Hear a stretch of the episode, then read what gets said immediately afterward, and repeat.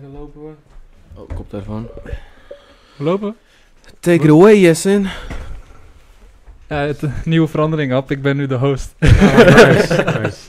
Hey, welkom allemaal weer bij een nieuwe aflevering van Hype Tea. De, de podcast over alles wat eh, hype is of kan zijn. Met deze keer onze allereerste return guest gewoon. Ja, Oh, nice. inderdaad. The one and only. Wow. Ab. Mr. Wow, wat een A. eer, wat een eer. How you doing, man? Ja, I'm good, I'm good. Hey, en even side note. De best bekeken podcast is die van jou, hè? Serieus? Ja, man. zeker. Wat is Zeker. het, 200, 200 plus views? Ja, zoiets. Op YouTube. Op ja. YouTube. Ja. Voor Oké. eh, 2,5 uur slap gelul. En ik vond mezelf stront irritant in die episode. Maar Veel echt, vaker eh, dan. ja, ja, natuurlijk. snap ik. Ik ben benieuwd, want nu gaan we het over Amerikaanse verkiezingen hebben. Zometeen zeg ik iets verkeerds en eh, onder andere. worden we gecanceld. Ja, inderdaad. Zo, nou, let's go. Lange Frans. Kennen jullie Sunny, de toiletdame van de Tivoli? Nee, sorry. Nee. Nee? Nee. Gewoon 20 jaar lang straight is zij de toiletjuffrouw van de Tivoli Vredeburg ook. Ook nu bij En Vredeburg. zij noemde mij altijd, eh yo, Lange Frans. Eh,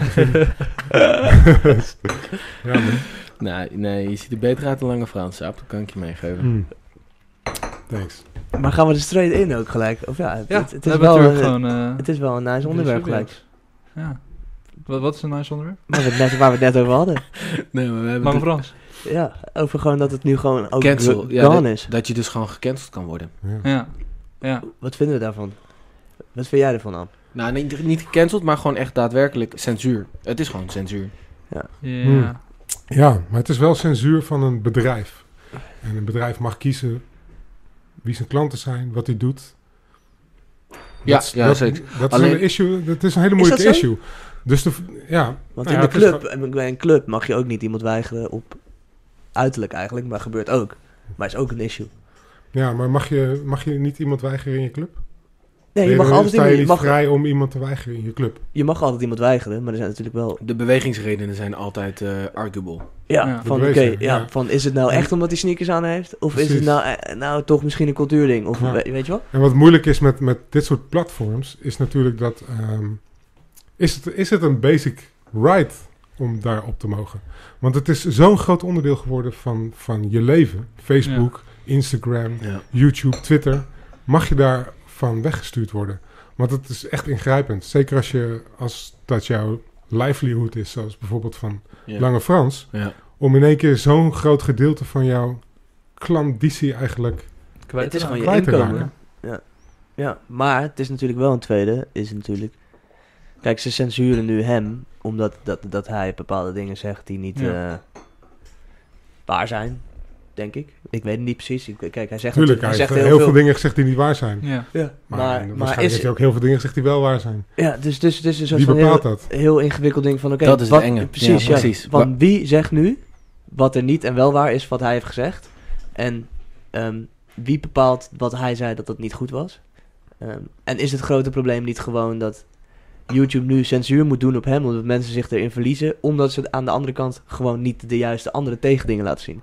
Zij, Ja. zij gooien mensen zelf in die tunnel. Ja. Mensen zelf worden opgeslokt door het algoritme omdat ze advertenties willen laten zien. En hij wordt nu gecensuurd omdat hij misschien nu dan soort van, hij wordt nu een soort van eh, eh, voorbeeldding van, oké, je moet ook oppassen wat je zegt. Ja. Maar het is hun systeem wat al die mensen erin meetrekt met het volgende filmpje wat ernaast zit. Met het volgende ding wat ernaast zit. Ze kunnen ook iets tegenovergesteld Precies. naast zetten. Dat, dat en dan hoeven ze dan Ze hoeven ze hem niet te censuren. Precies. Ik, ik, kijk, ik ben all for free speech. Ik weet niet wat het Nederlandse woord ervoor is. Maar mag ik sorry... Niet vrijheid van meningsuiting, maar vrije woord eigenlijk. Ja, je mag alles zeggen wat je Ja. wil zeggen. En, en Of het nou waar is of niet. dat wordt niet... Of het Dat, kwetst of dat niet. staat het Dat- letterlijk niet in de weg. Want hij kan nog steeds op zoveel verschillende manieren zijn boodschap naar buiten brengen. Maar het, als een groot gedeelte van, van waar mensen eh, naar kijken weg wordt gehaald daaruit. Weet je is dat, in hoeverre is dat censuur? In hoeverre is dat iemand monddood maken?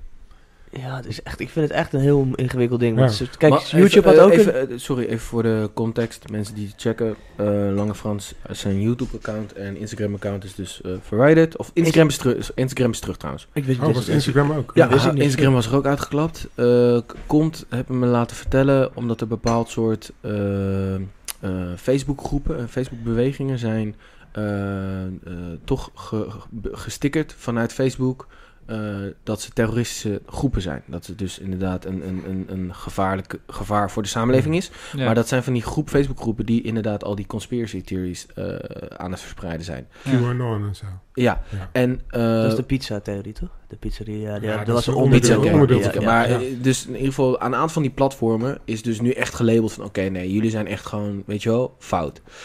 Iedereen die die, die theorieën deelt in principe, eh, wordt dan ook gezien als, ja, weet je wel, je, bent, je, je draagt iets uit van een partij die een terroristische groep is. Hm. Ik ben me niet helemaal op het exacte woorden, maar het gaat erom dat het dus nu ineens, eh, dat ze besloten hebben van oké, iedereen die dit zegt, is inderdaad niet welkom op ons, op ons platform. Eh, dus dat is net gebeurd. Daarom is die uit Instagram volgens mij toen uitgeklapt en wel weer teruggekomen. YouTube, waarom die er echt uitgeklapt is. Hij heeft, had meerdere waarschuwingen gekregen. En volgens mij was een beetje de druppel. Was eh, wat hij zei in een podcast over Mark Rutte neerschieten. Ja. Dat was een onderdeel waar ik ook vind dat, dat hij heel. Dat, hij, dat ik denk, wat de fuck ben je aan het vertellen? ouwe? Je, Maar heb je die hele podcast gezien? Ja. Want, want hoe het op mij overkwam, was dat ze, ze, ze zoiets hadden van, wat moet je hier nou aan doen? Weet je, als je het niet eens bent met een, met een beleid of een situatie, wat zijn, wat zijn nou eigenlijk je mogelijkheden om, Ja. om daar iets aan te doen? Want, want je kan hem niet neerschieten. Weet je, zo'n, in mijn ogen was het zo'n reactie. Hype die Nee. ook op, En meteen, en meteen- kijk, maar als, als we... Thanks, Alp. ja, ja, precies. Sorry, guys. Sorry, guys. Wel legendary. ja, ja. hey, dat staat sowieso op mijn bucketlist. Dat, maar, maar dat, zeg maar, als je dan vanaf daar begint te filmen, vanaf die uitspraak, en dan een, een minuut lang, waar, dat ze het erover hebben. Nee, ja, ik ga het ook niet doen, weet je wel. Het is slecht voor mijn karma en ze lopen een beetje lacherig te doen. Maar als je alleen dat stukje eruit had en je gaat het overal twitteren, lijkt het net alsof ze het daar echt over hadden. Maar het was meer van, we weten gewoon niet wat we moeten doen. Ja, wij gaan dat niet doen. Weet je, dat, Ja, true. Ja. Nou, oké. maar- Kijk, je kan het is een suggestie dat het misschien de oplossing zou zijn. Maar ik geloof niet dat zij echt dachten dat dat de oplossing was. Nee, natuurlijk. Kijk, het was? Dus tuurlijk, het- het was een groot stuk, een groot stuk content. En daar wordt inderdaad één stukje wordt uitgehaald en dat wordt geflipt. Maar je kan niet zeggen... Ja, moeten we dan Mark Rutte doodschieten? Ja, ja, ja, ik, ja ik kan het wel. Weet je, ik, eh, ik mik wel goed hoor. Ja, weet je, dat, dat, sorry, vond ik gewoon... dat ik- Ja, nee, daar ga ik Ook niet als het, als het humor zou zijn, wat een slechte humor is. Zeker, zeker. Maar Hans ik Stil vind... heeft ook live dat je dingen dus- gezegd, wat ook op YouTube staat. Wie? Hans Stil, ja. whatever. Ja, hartstikke veel Ja. mensen natuurlijk. Ja, daar heb je zeker een punt. Daar heb je wel een punt. Maar ik er vind zijn, wel... er ik zijn vind wel- letterlijk haatgroepen op YouTube. Ja. Eh, neonazies, die, die de ergste dingen zeggen wat er met, met Joden moet gebeuren. Die Ja. staan er ook nog steeds op. Ja, het is echt, het is, weet je, het is gewoon echt een soort van... Waar begin je? Waar, stre- waar trek Ja. je de lijn? Dat is en wie trekt de lijn? Ja, ik denk dat, En wie inderdaad. daarom denk ik dat de makkelijkste lijn is niks verbieden. Precies, precies. Maar dan moet het dus ook zo zijn, dat kijk, als je niks verbiedt, moet het dus ook, moet ook het algoritme anders gaan werken. Het Nou, moet algoritme moet absoluut aangepast worden. Er moet er zeker. gewoon eigenlijk bijvoorbeeld altijd komen na het ene geluid, moet er bijvoorbeeld k- kijk ook, Ja. en dan het andere Ja, dat is een geluid. goeie. Weet je wel, dat ze gewoon Dat altijd de- na een filmpje zeggen, je hebt nu dit gekeken, kijk nu ook dit. Dat je gewoon, wacht even, Dat dat, je je, dus gewoon- op Explorer page, Nee, Instagram gewoon- Explorer page, nee, nee, nee, Explorer page, en dan kun je zeg maar gewoon je eigen algoritme, en dan kun je daar tegenpol, kun je aanklikken, en dan kun je zien van, oké, wat is iemand die dus echt tegenovergestelde van mij, wat ziet hij op social media? Ja, maar bijvoorbeeld laatst had ik het ook met Leon over, dat we zeiden van, eh, Dat is een vette, ve- vette optie, toch? Het is Ja, gewoon ja. zo lekker in je wereld denken, Nou, oké, wat gaat er nou rond in Donald Trumps hoofd, weet je überhaupt het hele idee dat je gewoon een vinkje zou kunnen hebben van, oké, ik wil algoritme-based content, of ik wil gewoon content. Ik wil gewoon alles Alleen zien wat, wat, ik zelf zoek. Nou, gewoon, ja, precies. Dat het gewoon klopt met, oké, ik zoek op eh typemachine. En ik krijg gewoon alleen maar filmpjes over typemachines, klaar. Ik krijg niet daar langzaam Ja. aan steeds Ja. meer dingen die mij trekken naar iets. Die machines zijn de oorzaak van... Ja, ja, ja, ja. Nee, maar dat, dat, het gewoon, dat je gewoon dat je getrokken wordt. Dat Ik je maar, ik getrokken, zei het maar zachtjes. Ik wil Ja. niet dat jullie gekend maar dat je, gewoon, dat je gewoon daarin getrokken wordt. Dat je dat kan kiezen. Bewust de keuze kan maken. Dat, en want het ding is, ik kijk nog steeds. Het is niet alsof ik geen advertenties meer kijk. Maar het is natuurlijk nu zo gebaseerd op dat je heel lang advertenties kijkt. Ja. Waardoor de, de- ze zitten zichzelf in de weg. Maar zijn die algoritmes zijn die echt puur op jouw voorkeur gespitst? Of ook op de reclames die voor die filmpjes zitten, vraag ik me af. Want het is een businessmodel natuurlijk. Dus ze zullen ook wel, Nou, ze hebben zeg maar, wel... dat sturen, toch? Van, Fa- Facebook heeft wel, vind ik echt... eh, mijn Facebook feed ziet er vooral uit als een suggestie-video of zo. Mhm. eh, su- Suggestie-content. Dat is gewoon ehm, content die je waarschijnlijk leuk vindt. Weet je wel? Ja. Dat soort filmpjes. Mhm. En dat is inderdaad gewoon die viral shit, weet je wel? maar dat Dat, heeft Instagram volgens mij nog geen twee weken geleden ook veranderd. In ieder geval op mijn feed. Vroeger als ik zeg maar de nieuwe berichten doorscrolde. van, van mijn, van mijn eh, Dingen die volgt. connect. Ja. Dan kwam ik op een gegeven moment op dingen die ik al had gezien. Oh ja. Of Ja, net, ja, dan ja. zag je, ja. je bent weer bij. Ja, ja, ja, je Het bent er verschijnt dan en dan ja. ging het gewoon naar oude berichten. Nu is het, je bent weer bij en boep, alleen maar suggesties. Ja, ja, ja, zeker. Ja, dat is waar. Alleen maar Plus, suggesties. je hebt nu Ja. ook tussen je normale posts, eh, normale dingen die je kijkt, komen al af en toe een suggestie, Ja. suggestie, Echt? rails tussendoor. Heel Nee. maar dat is En al een hele tijd zo. Ja, en nu is het inderdaad weer zo zegt, het einde is er niet meer. Het is geen einde even, meer. dus, dus er zitten suggesties zitten in, ons, in je feed. Nou, nou, hij- als die op is, Absoluut. is wat Ab zegt, had je eerst eens van, hé, hey, je Ja. bent bij. En dan kon je stoppen. Ja. Dat was het ding. Dat is nu, bestaat niet meer. Nu gaat hij gewoon over naar dingen die Naar je gewoon... de Explorer page dus. Ja. Ja, maar dan in je normale feed, waardoor Ja, je soms scary. niet, niet door hebt dat het inderdaad... Ja, sinds, sinds twee weken volgens mij is dat veranderd. Maar- Het is natuurlijk gewoon een beetje gek dat wij eh, niet de keuze hebben om dat aan en uit te zetten of zo. Maar misschien is dat ook bullshit, Ja. want we willen het Ja. gratis gebruiken. Maar Maar, het is goed als je... eh, ik weet niet of... Ja, jij hebt de Social Dilemma gezien. Ja, ik, Ja. oh, nou, ik, ik, heb wilde hem net inzetten, weet Ik je heb hem wel. ook. Ja, Ja, ik heb hem ook Ja. gecheckt, ja. Nou, ik denk dat iedereen het zou moeten kijken. Want dat, dat zijn de mensen uit die wereld die waarschuwen hiervoor. Die mensen die, zoals Ja. die, die Mag ik, mag ik, mag ik eh, advocaat van de duivel spelen in deze discussie? Absoluut. Want dat, ik, eh, ik heb hem niet kunnen afkijken. dan Eh, mag je niet als nee. Nee, dan mag je Eh, geen ik heb hem halverwege gezien. Ehm, eh, ik, ik vind het heel erg... kijk, don't get me wrong. Het is inderdaad... Het gaat heel ver. Ja. Maar ik vind hoe het neer wordt gezet vanuit Netflix... Met die muziek en dat, dat, dat. En dan, en dan dat, die, die, die zeg maar fictieve timeline van die familie. En dan, nee, ja, nee, sorry bro. Ik, Ja. ik vind dat te veel sensatiegevoel. Dan kom ik terug op het feit wat ik vind, waar ik, of wat, wat ik tot voorheen altijd vond van social media. If you don't like it, delete it. Weet je wel? Ja. Het, is, het, het, het, is een, het is gratis, het is er. Je mag er gebruik van maken. Je hoeft er niet gebruik van te maken. We moeten niet in de slachtofferrol schieten. Want als je in de slachtofferrol schiet, als zeg maar eh, zo kwetsbaar, ba, ba, ba, dit en dat. Nee, hoe jij het gebruikt is kwetsbaar. Dus als jij jouw eh, gebruik en con- consumeren van die app zeg maar aanpast, dan kun je het heel positief, eh, heel veel positief flippen en dan kun je er hele mooie dingen uithalen. En dan ga je dus ook focussen op dingen Ja, die je wel, wel kunt aanpassen. Ik ben nog niet klaar, want ik, ben, ik, heb bij, ik heb mijn mening bijgesteld. Ik heb hierover geslapen en nagedacht. Dus ik, ik denk gewoon een beetje, weet je, VVD, van ja, wat de fuck, je het niet zeuren? De- Je, je hebt gewoon social media, kan je Eigen verantwoordelijkheid. Heel eigen verantwoordelijkheid, exact. eh ga het doen. Maar toen dacht ik wel even aan ons perspectief. En dat heb jij natuurlijk nog minder. En jij helemaal sowieso niet gehad. Wij hebben pas eh, social media, zoals we het kennen. Wat was het? Hoe oud waren we toen? 15, 16, 17? Ja. Kwam Facebook net, weet je wel. Dus wij hebben geen middelbare schooltijd gehad. Dat Instagram gewoon Ik zat, daar al ik was. zat in, was Ja. 14 toen of zo. Oké, ik, ik heb dat niet. Toen dacht ik wel van ja, ik ben nu eh 27 en ik ben volwassen en ik, weet je wel, je kan dat soort dingen dus meer benoemen van, wow, ik pak nu mijn mobiel en ik zit nu gewoon hersenloos, eh, weet je wel, dood eh, te scrollen. Ik kan dat benoemen. Maar inderdaad, ik kan me heel goed bedenken als het, zo, als het er al was toen ik 13, 14 was en een onzekere puber, dan kan het wel echt fokken met mijn mind. Dus toen ben ik er wel echt op teruggekomen dat ik wel echt denk van, want het, het, het gaat zo ver, die techniek, is crazy toch? Ja. Die, Maar al- wat, ik, wat ik gewoon vind, het is bijna een soort, kijk, het is bijna een soort van drugs, toch? Wordt, zo wordt het, de, de, de- de Ja, machine en- is en gemaakt als een drugs. endorfineverslaving. Ja, een soort van de machine is gemaakt als drugs.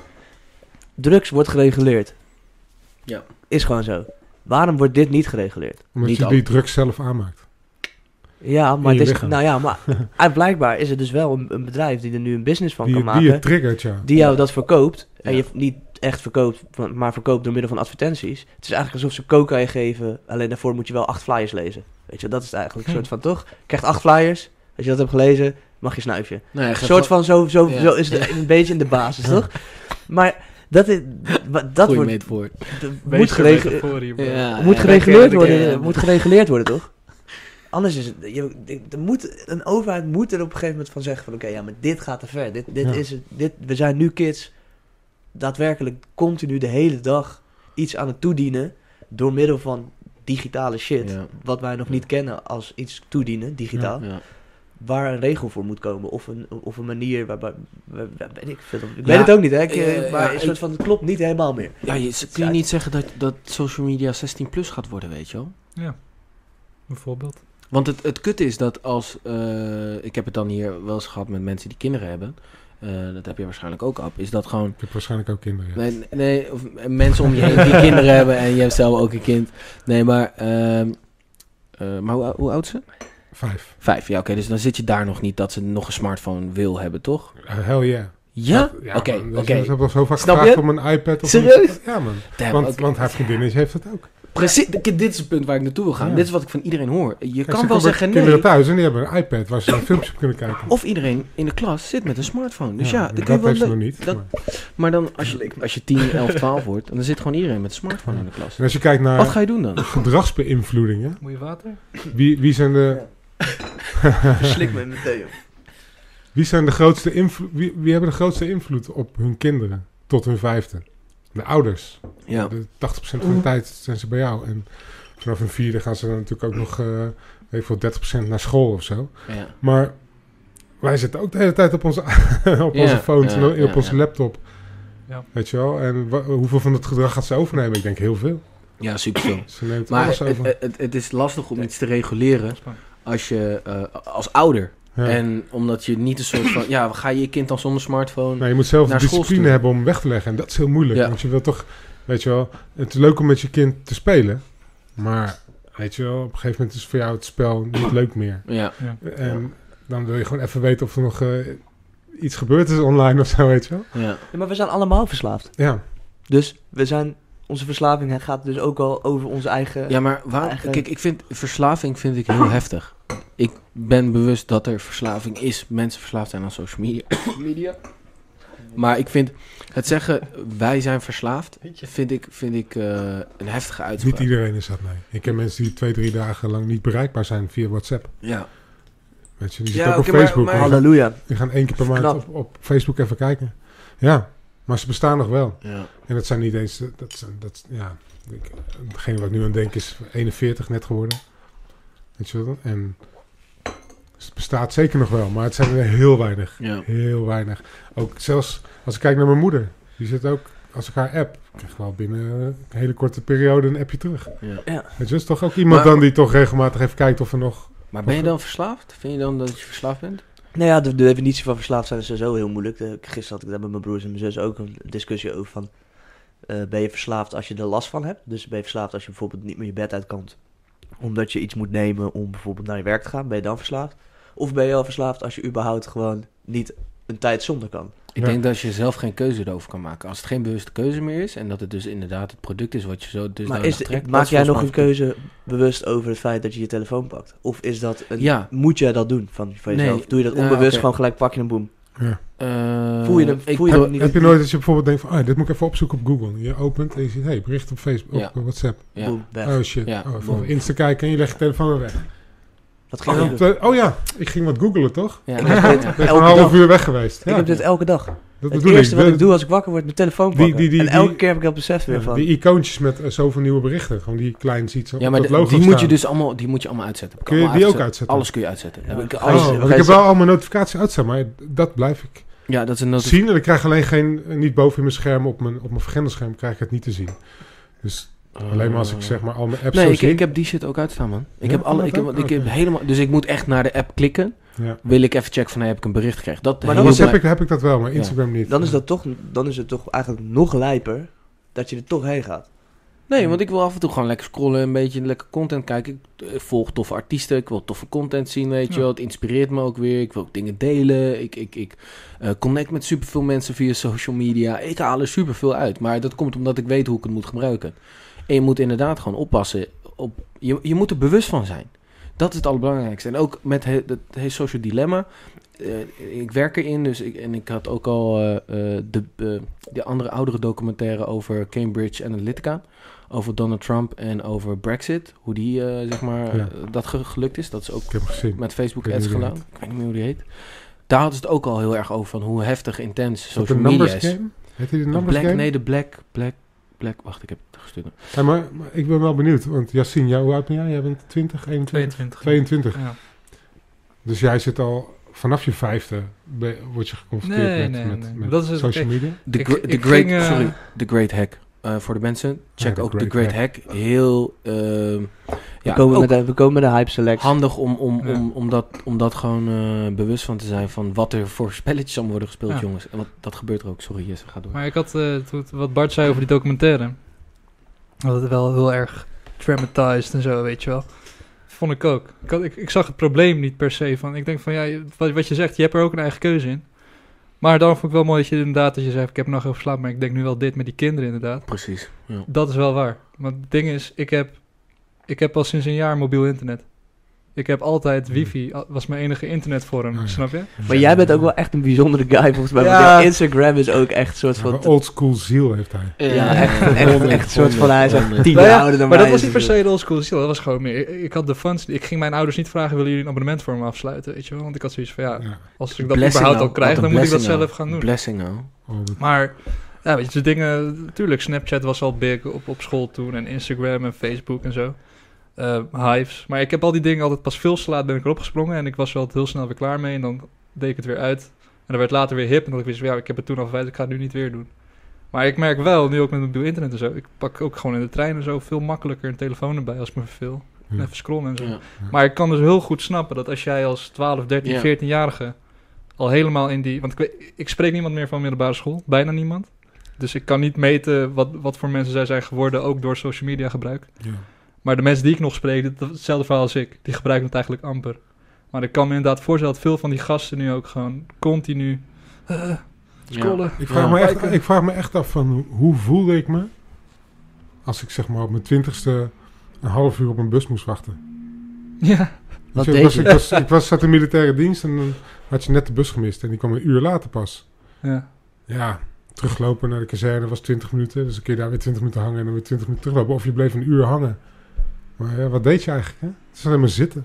Ja, Ja. gewoon En nadenken. nadenken. Maar Ja. dat, zeg maar, Vooral op de ik- Veluwe, er was niemand anders. Dus Heerlijk, ik zat alleen bij de bushalte. zat je bij Amersfoort?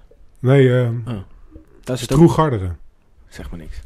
Eh, midden op de Veluwe bij Apeldoorn. Een kwartiertje van different, Apeldoorn. different generation. Nee, eh, maar ik bedoel, die keuze om bewust even dus niet je mobiel te pakken en gewoon uit het raam te kijken in de trein zitten, Ja. die moet je ma- wel maken. Hmm. Maar inderdaad, eh, dat is denk ik voor een kind die 16 en vol de puberteit zit. En, eh, laat ik zeggen, jo- moeilijk. jonge Dat- persoon is dat lastig. weet je wel. Het Ja. is voor een 22-jarige moeilijk. Of neem een boek Ik mee. vind het moeilijk. Neem een boek mee. Ja. Ja. Ik vind het ook, ja, als ik, dat, als ik bijvoorbeeld dus ook neem ik dat boek mee, dat vind Ja. ik heerlijk. Ja. Maar het lukt mij niet om het altijd te doen. Zelfs als ik dat boek soms niet bij me heb, Ja. heb ik gewoon onbewust toch meer de drang om mijn telefoon te Ja, pakken. maar, ja, Het maar, is gewoon gewenning. ja, maar Ja. weet je, En hoe, ik ben hoe me graag, hoe graag wil je het? Hoe graag wil je Ja, niet op de er- telefoon van En ik ben me er ook bewust van. Maar ik ben me er ook heel bewust van dat het me niet lukt. Mhm. En dat maakt me nu soms dat ik echt soort van Ja. moet, echt moet zeggen: oké, Ja. telefoon even vier meter van de bank af überhaupt al. Van oké, anders ga ik er weer op, Ja. weet je wel. En dat moet je, dat moet je, het is best wel heftig dat je dat zo bewust tegen jezelf moet zeggen. En in mijn ogen is dat deels een soort van verslaving. Dat je dus zo echt, ik rook ook. Nee, ik weet, ja. ik weet het, Ja. als ik het vergelijk met stoppen met roken, exact hetzelfde. Je bent continu, moet je de hele tijd tegen jezelf zeggen: nee, Ik- ik- pakje aan. nu niet. Nee, nu een pakje aan. Nu even ja, niet. ja. Oké, eh, oké, we gaan nu even we gaan naar beneden. Maar we gaan even niet naar beneden en doorlopen naar buiten. Ja. Dan ben je hele, dat is echt, echt exact hetzelfde. In, in mijn ogen is het daarom wel een soort van verslaving. Die Ja. daarom gereguleerd wordt. Ook al is het alleen maar een gewoonte. Is die gewoonte, weet je wel, wat brengt dat ons? Aan de ene, Ja. Het is altijd Ja. twee, tweeledig. Want als je kijkt naar dat er nu eh, in Afrika en, en, en Azië vooral, in Zuid-Amerika ook, opeens uh, afgelopen tien jaar een paar miljard mensen bij zijn gekomen die toegang hebben tot internet. Ja. Wat, een, wat een bron aan kennis daar ligt. Waar, waar die mensen wat mee kunnen doen. Weet je wel? Hele Ja, intelligente precies, mensen die precies. nul kans hadden, hebben nu gewoon de kans om, om Harvard-cursussen voor weinig geld te volgen op, op, op Keihard. wat je ook doet. Oh, cursussen, het is een slecht woord. eh, gewoon courses. Ik weet niet. Ja, Nederlandse woord even voor. Dus je kan, je kan gewoon diploma's halen online. Die je Ja. vroeger alleen maar kon halen als, je, als je ouders veel geld hadden. En je woonde heel daar. goed was. Ja. En daar woonde in de Verenigde Ja. Staten. Je kan Ivy League Ja. afstuderen nu online als je in Afrika woont, blijft wonen.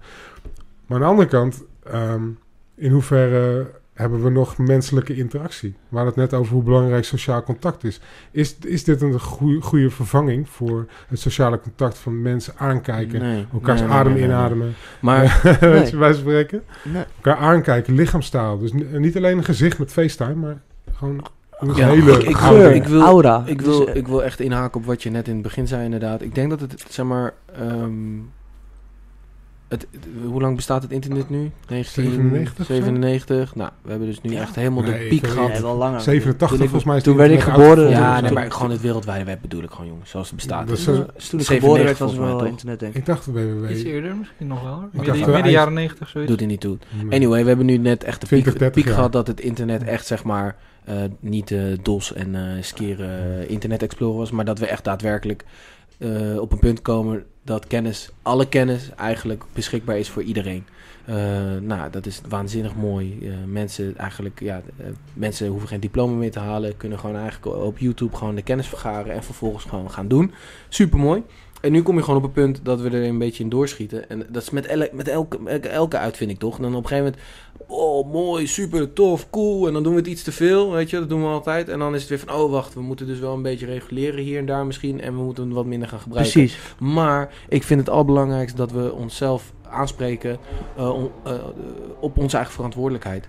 Want Ja. het moment als je dat niet doet, dan ga jij, zet je jezelf eh, buiten het probleem. En dan val, sna- snap je, dus je, je wordt er heel ongelukkig van. Dan zeg je van het overkomt mij. In plaats van oké, Hm. maar ik ben verantwoordelijk voor eigenlijk gewoon dat ik überhaupt deze smartphone heb. Dus ik moet, waar, dus dan daar moet ik, ik word er heel depressief van, dan moet ik daar gaan oplossen. Ik moet mijn smartphone weg Ja. gaan doen. Maar En je hebt ook te maken met het boiled frog syndroom. Ik weet niet of je dat kent, die, Nee. eh, wetenschappelijke theorie.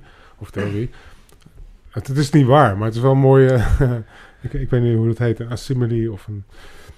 ehm, als je een kikker in een pan water doet, koud water, en je zet het op het vuur, wordt het water steeds warmer, steeds warmer, steeds warmer. En die, die frog realiseert zich te laat dat hij er al uit had gemoeten. En die zal dan gewoon verbranden in het kokend water. En dat is wel een beetje wat, wat, wat je met, met dit ook hebt. Je wordt eerst, heb je een Facebook-account, maar je hebt nog langzaam internet. Dus een foto laden duurde soms al gewoon een paar seconden. Ja, Dus langzamerhand word je steeds gewender om meer content te krijgen. ja een nu beetje de krijgen we zoveel de- content Ja. dat, dat de mensen ook helemaal in de war zijn. Ja. Als je het al hebt over wat je zegt, dat je een eh, algoritme, dat je ook precies de tegenovergestelde mening kan hebben. Ook goed uiteengezet. Van wat moet je nog, wat moet je nog geloven? Ja. Weet je, nee, zo zit het met coronavirus. En je denkt van ja, nou, als je het zo uitlegt, inderdaad, zo zit het met Ja. coronavirus. Maar nu de hele andere kant. Maar dan, oh ja, dan ja, die hebben ook, maken ook een punt. Ja, maar dan ga je dus weer terug naar je eigen verantwoordelijkheid. Is dat neem niks voor lief aan. Zorg ervoor dat, dat, dat je altijd beseft dat een verhaal een tweede kant heeft. Ja. En dat je inderdaad niet, dat je altijd denk na voor je, ga zelf nadenken. En ga niet één bron pakken, weet je wel. Zorg ervoor dat, als je het echt wil weten, ga het inlezen. Precies. En lees Ja, ook precies. de andere kant. Maar het is wel moeilijk om die ene bron te ja, pakken op het moment dat... was- Nee, maar op het moment dat jij op YouTube zit en vervolgens ga je naar Facebook en Facebook stuurt je ook die kant op. Vervolgens ga je naar Instagram ja, dat is het probleem. En die stuurt je ook die kant op. en je woont met iemand samen die dezelfde dingen checkt als jij, die laat het ook zien. Op een gegeven moment word je gewoon bevestigd in jouw Ja. eigen bubbel, Ja. Ja. continu van best wel veel verschillende plekken. Ja. En dat, tuurlijk, niemand, dat- niemand gelooft dat ene filmpje. Niemand Ja, gelooft dat, ene- dat- Je moet eerst tien ja. filmpjes kijken, dan tien Facebook posts zien, dan tien Instagram posts, dan ga je het geloven. Ja. En bij de auto was het ook, kijk, de auto werd ontwikkeld, ik weet niet, dat weet jij misschien beter, maar de auto werd ontwikkeld, waren er ook geen snelheidslimieten. Weet je wel, Nee, op een gegeven moment ging iedereen te hard rijden, toen dacht ze, fuck. Volgens mij overheid zijn die zijn pas in 1972 of zo. Rond het jaar dat geboren werd kwamen snelheidslimieten. ja, maar laten Maar we- waggies gingen natuurlijk toen de tijd niet zo hard. Nee, maar je had, je had wel auto's die 180 konden. En die deden dat ook. Mijn ouders Ja, waren en ook een is stuk ook nog eens onveiliger in hele, hele onveilige snelwegen. Want je had nog geen ZOAP. Ja. Kennen jullie ZOAP? Oh ja, ja, Zeer dat- open ja, asfaltbeton. ja, ja, dus als ja. het regent, valt het water eigenlijk er doorheen. Het mooie Maar asfalt wat je elke gewoon winter eh, kapot spoorvorming van al die vrachtwagens. En er lag zo'n laagje water in. En dan kwam je daar met 180 aanblazen. En, en al die auto's die voor je reden, en vooral vrachtwagens, die gaven spray. Dus je zag gewoon één grote mistwolk. En dan kwam je met 180 aanrijden. En dan wilde je remmen. Maar je zat op een laagje water. Ja. En je had nog geen ABS, dus je wielen blokkeerden gewoon. En je gleed gewoon door. Het is een hele andere... Het was... De auto's zijn veel veiliger geworden. En de wegen zijn veel Ja. veiliger geworden. Ja. Maar- het was, en dat auto's niet zo hard konden, was veel gevaarlijker toen. Maar ik bedoel je eigenlijk een beetje mee te zeggen, je moet denk ik gewoon Facebook, YouTube en zo zien als die auto's. En de, de overheid moet gewoon een soort van regulatie doen op hoe, hoe die Ja. auto's daar rijden. En zij Ja. moeten die auto's veiliger maken. En dat is hun, hun ding, dat is hun product. Ja. Natuurlijk, als je in die auto stapt met je dronken kop, dan kan je nog steeds tegen die paal rijden. Dat is nee, jouw- nee, dat is nee, jouw nee, nee, nee, ga terug.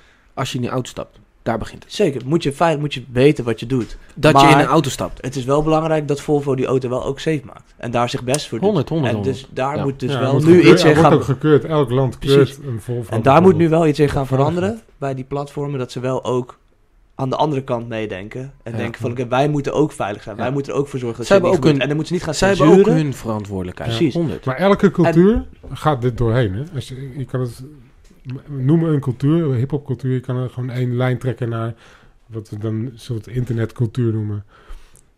Je, het begint en iedereen is enthousiast. En dan krijg je een soort uitwassen en die krijgen Ja. meer aandacht. En dan wordt het opeens iets slechts. Het is gewoon een ontwikkeling. Weet je? Het is gewoon, eerst heb je een baby. Ja, maar het is gewoon een En dan heb je een peuter en dan heb je een kleuter. En die hebben allemaal... Weet je, ik hoef Lena ook niet zo vaak meer te, te, te restricten in dingen. Maar het is toch ook... Ik maar zie, nog steeds moet ik er restricten. Omdat ze nog steeds niet snapt wat de gevolgen van haar acties kunnen zijn op langere termijn of op grote schaal. Ja. En dat is met dit ook. Want nu komen we erachter van, oh ja, dat helemaal vrij dat internet... Dat kan hele, hele, hele rare situaties opleveren. Echt levensbepalende Ja. situaties. Als je kijkt naar verkiezingen bijvoorbeeld. Ja. Dus nu gaan we inderdaad, die restricties gaan komen. Dat is, dat Ja, is dat moet ook. ze hebben, ze hebben nu eh, ook inderdaad adver- adverteren vanuit een politieke partij is... Mag eh, niet meer. Mag wel. Twitter had het al, had het al mocht, heeft het nooit volgens mij toegelaten. Ehm, maar Facebook mag het wel. Alleen het is nu zeg maar. Eh, het, is een, he- het is een hele. Het is niet- een business. Een eh, business manager. Zet je een Ah. ad live. Het is helemaal een soort van hele andere experience. En het is helemaal een soort van. Nou ja, door alle kritiek. Je kan niet zomaar adverteren voor als, eh, als je een politieke partij bent. Wat ik super goed vind. Ik denk, ja, hè, kijk, dit zijn. En dat komt gewoon puur door maatschappelijke eh, druk. Ja. Ja, precies. Maar dan ja. is het dus nog steeds... Dus het, is niet alleen maar, het komt niet alleen maar op jezelf aan. Het komt dus ook aan op die platforms dat zij ook dingen moeten Ja. veranderen. En overheden, iedereen Ja. moet zich er een beetje mee bemoeien. En inderdaad, tuurlijk, als je in die auto stapt of in dat social media stapt... moet je er zelf nadenken. Maar het moet wel ook nu wat gaan gebeuren bij, Ja. die, bij die plekken zelf. Hoe zij Ja, ja, sowieso. shit maken en hoe zij je erin trekken. Want dat is ja, niet helemaal meer... Oké, het, gaat, gewoon- het gaat gewoon te snel voor onszelf. We kunnen het zelf niet meer tegenhouden. Dat is ook wat ze zeggen, dat, dat in principe de algoritmes gewoon... Zo, ze, ze zitten zo diep op ons, eh, eh, op ons brein gewoon in te spelen. Dit gaat, dit gaat on- eigenlijk in principe ons, ons brein ook te boven. De algoritmes die ons, zeg maar, We houden het het niet meer perswayen bij. We zijn. weten het niet meer wat, ze, wat er gebeurt. Nee. Die computers zijn zo snel aan het gaan. Dus, Het is ook- het is ook met de Heb je wel eens algoritme- gehoord van die, van die beurs, die eh, eh, flash crash op de beurs in de New York Stock Exchange. Nee. was een flash crash. was binnen no time. Ik, ik, ik weet niet of het minuten was of seconden. Oh ja, dat was toch, een, was toch een buk of zo? waren alle, alle koersen gewoon ingestort. Letterlijk ingestort. Gewoon echt een flash crash. Iets wat normaal over een periode van weken of maanden... of, of met 9-11 events over Wanneer een was week van dagen. Ehm, ik, ik denk tien jaar terug of zo. Maar dat kwam omdat ze computers hadden... die zo snel konden rekenen met algoritmes... dat ze, dat ze als ze zien dat een, een koers een bepaalde kant op gaat... dat ze meteen aandelen dumpen, automatisch. Ja. En het waren er zoveel. En ze gingen opeens allemaal elkaar volgen. Omdat er, omdat er aandelen werd gedumpt, ging de koers omlaag. En dacht iedereen, hé, we moeten aandelen dumpen. Al die computers waren gewoon boep aandelen aan het dumpen. Prijzen stortten in elkaar.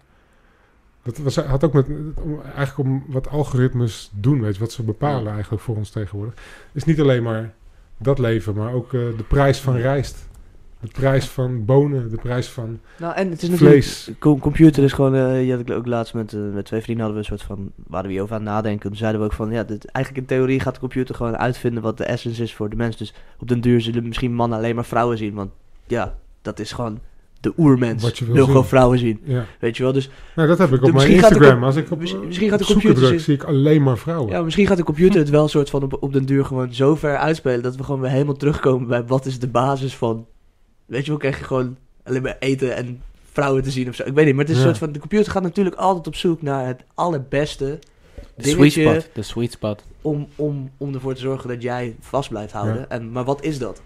Ja, precies. Zitten we nu niet gewoon... Ja, gaat hij op een gegeven moment niet gewoon stoppen op een, op een punt wat we eigenlijk al kenden? Wat de, gewoon de basis is van... Ja. Ik weet het niet, maar... het is ook nog zo kwetsbaar, hè? Als er nu een, eh, een solar flash komt. Een solar flare komt. In, in, alles in eruit. 1870, meen ik, rond die, rond die tijd. In 1870 in, in Engeland hadden ze een telegraafnetwerk. Tussen steden en dorpen. Konden ze berichten doorsturen. Toen is er een solar flare geweest. Wat In is die- dat? Dat is, een, dat is een, een zonnestorm. Er komen soms van die elektromagnetische flares vanaf de zon. Die komen zo dicht bij, bij de aarde. Dat ze elektromagnetische pulsen geven. Die soms zo heftig zijn. Dat ze een soort van mini-eruptie op de zon. Precies. Die, die zo heftig zijn dat Ja. ze op de aarde dingen die onder invloed staan van mag- Mag, Eh, je weet toch uh, Noorderlicht? Weet je wel, dat groene? Ja. ja, dat, is, dat, is het. van, van Dat is wat de zon. continu gebeurt. Ja, dat is wat continu En gebeurt. Soms komt er een, een, flare die zo hard is dat het, dat het Ja. daar doorheen komt. Ja. En dat is in bijvoorbeeld 1870 is dat ge- gebeurd. Dat is de, la- de laatste keer dat dat echt geregistreerd is. Er zijn krantenberichten van. En dat heeft het hele telegraafnetwerk gewoon verbrand. Als Ja. zoiets komt, jongen, wat, wat denk je dat als het hele internet en elektriciteitsnetwerk plat zou liggen? Door Gewoon even eruit wordt geklapt door, radio, door straling. en niet te repareren binnen een dag. Nee, echt niet te repareren man. binnen Ja, een let's dag. go man. Maar als dat in één land gebeurt, wat gebeurt? Dat land gaat naar de knoppen. Binnen, binnen een week. Ja. Chaos man. Ja, maar dat, zo kwetsbaar is eigenlijk hoe we nu leven.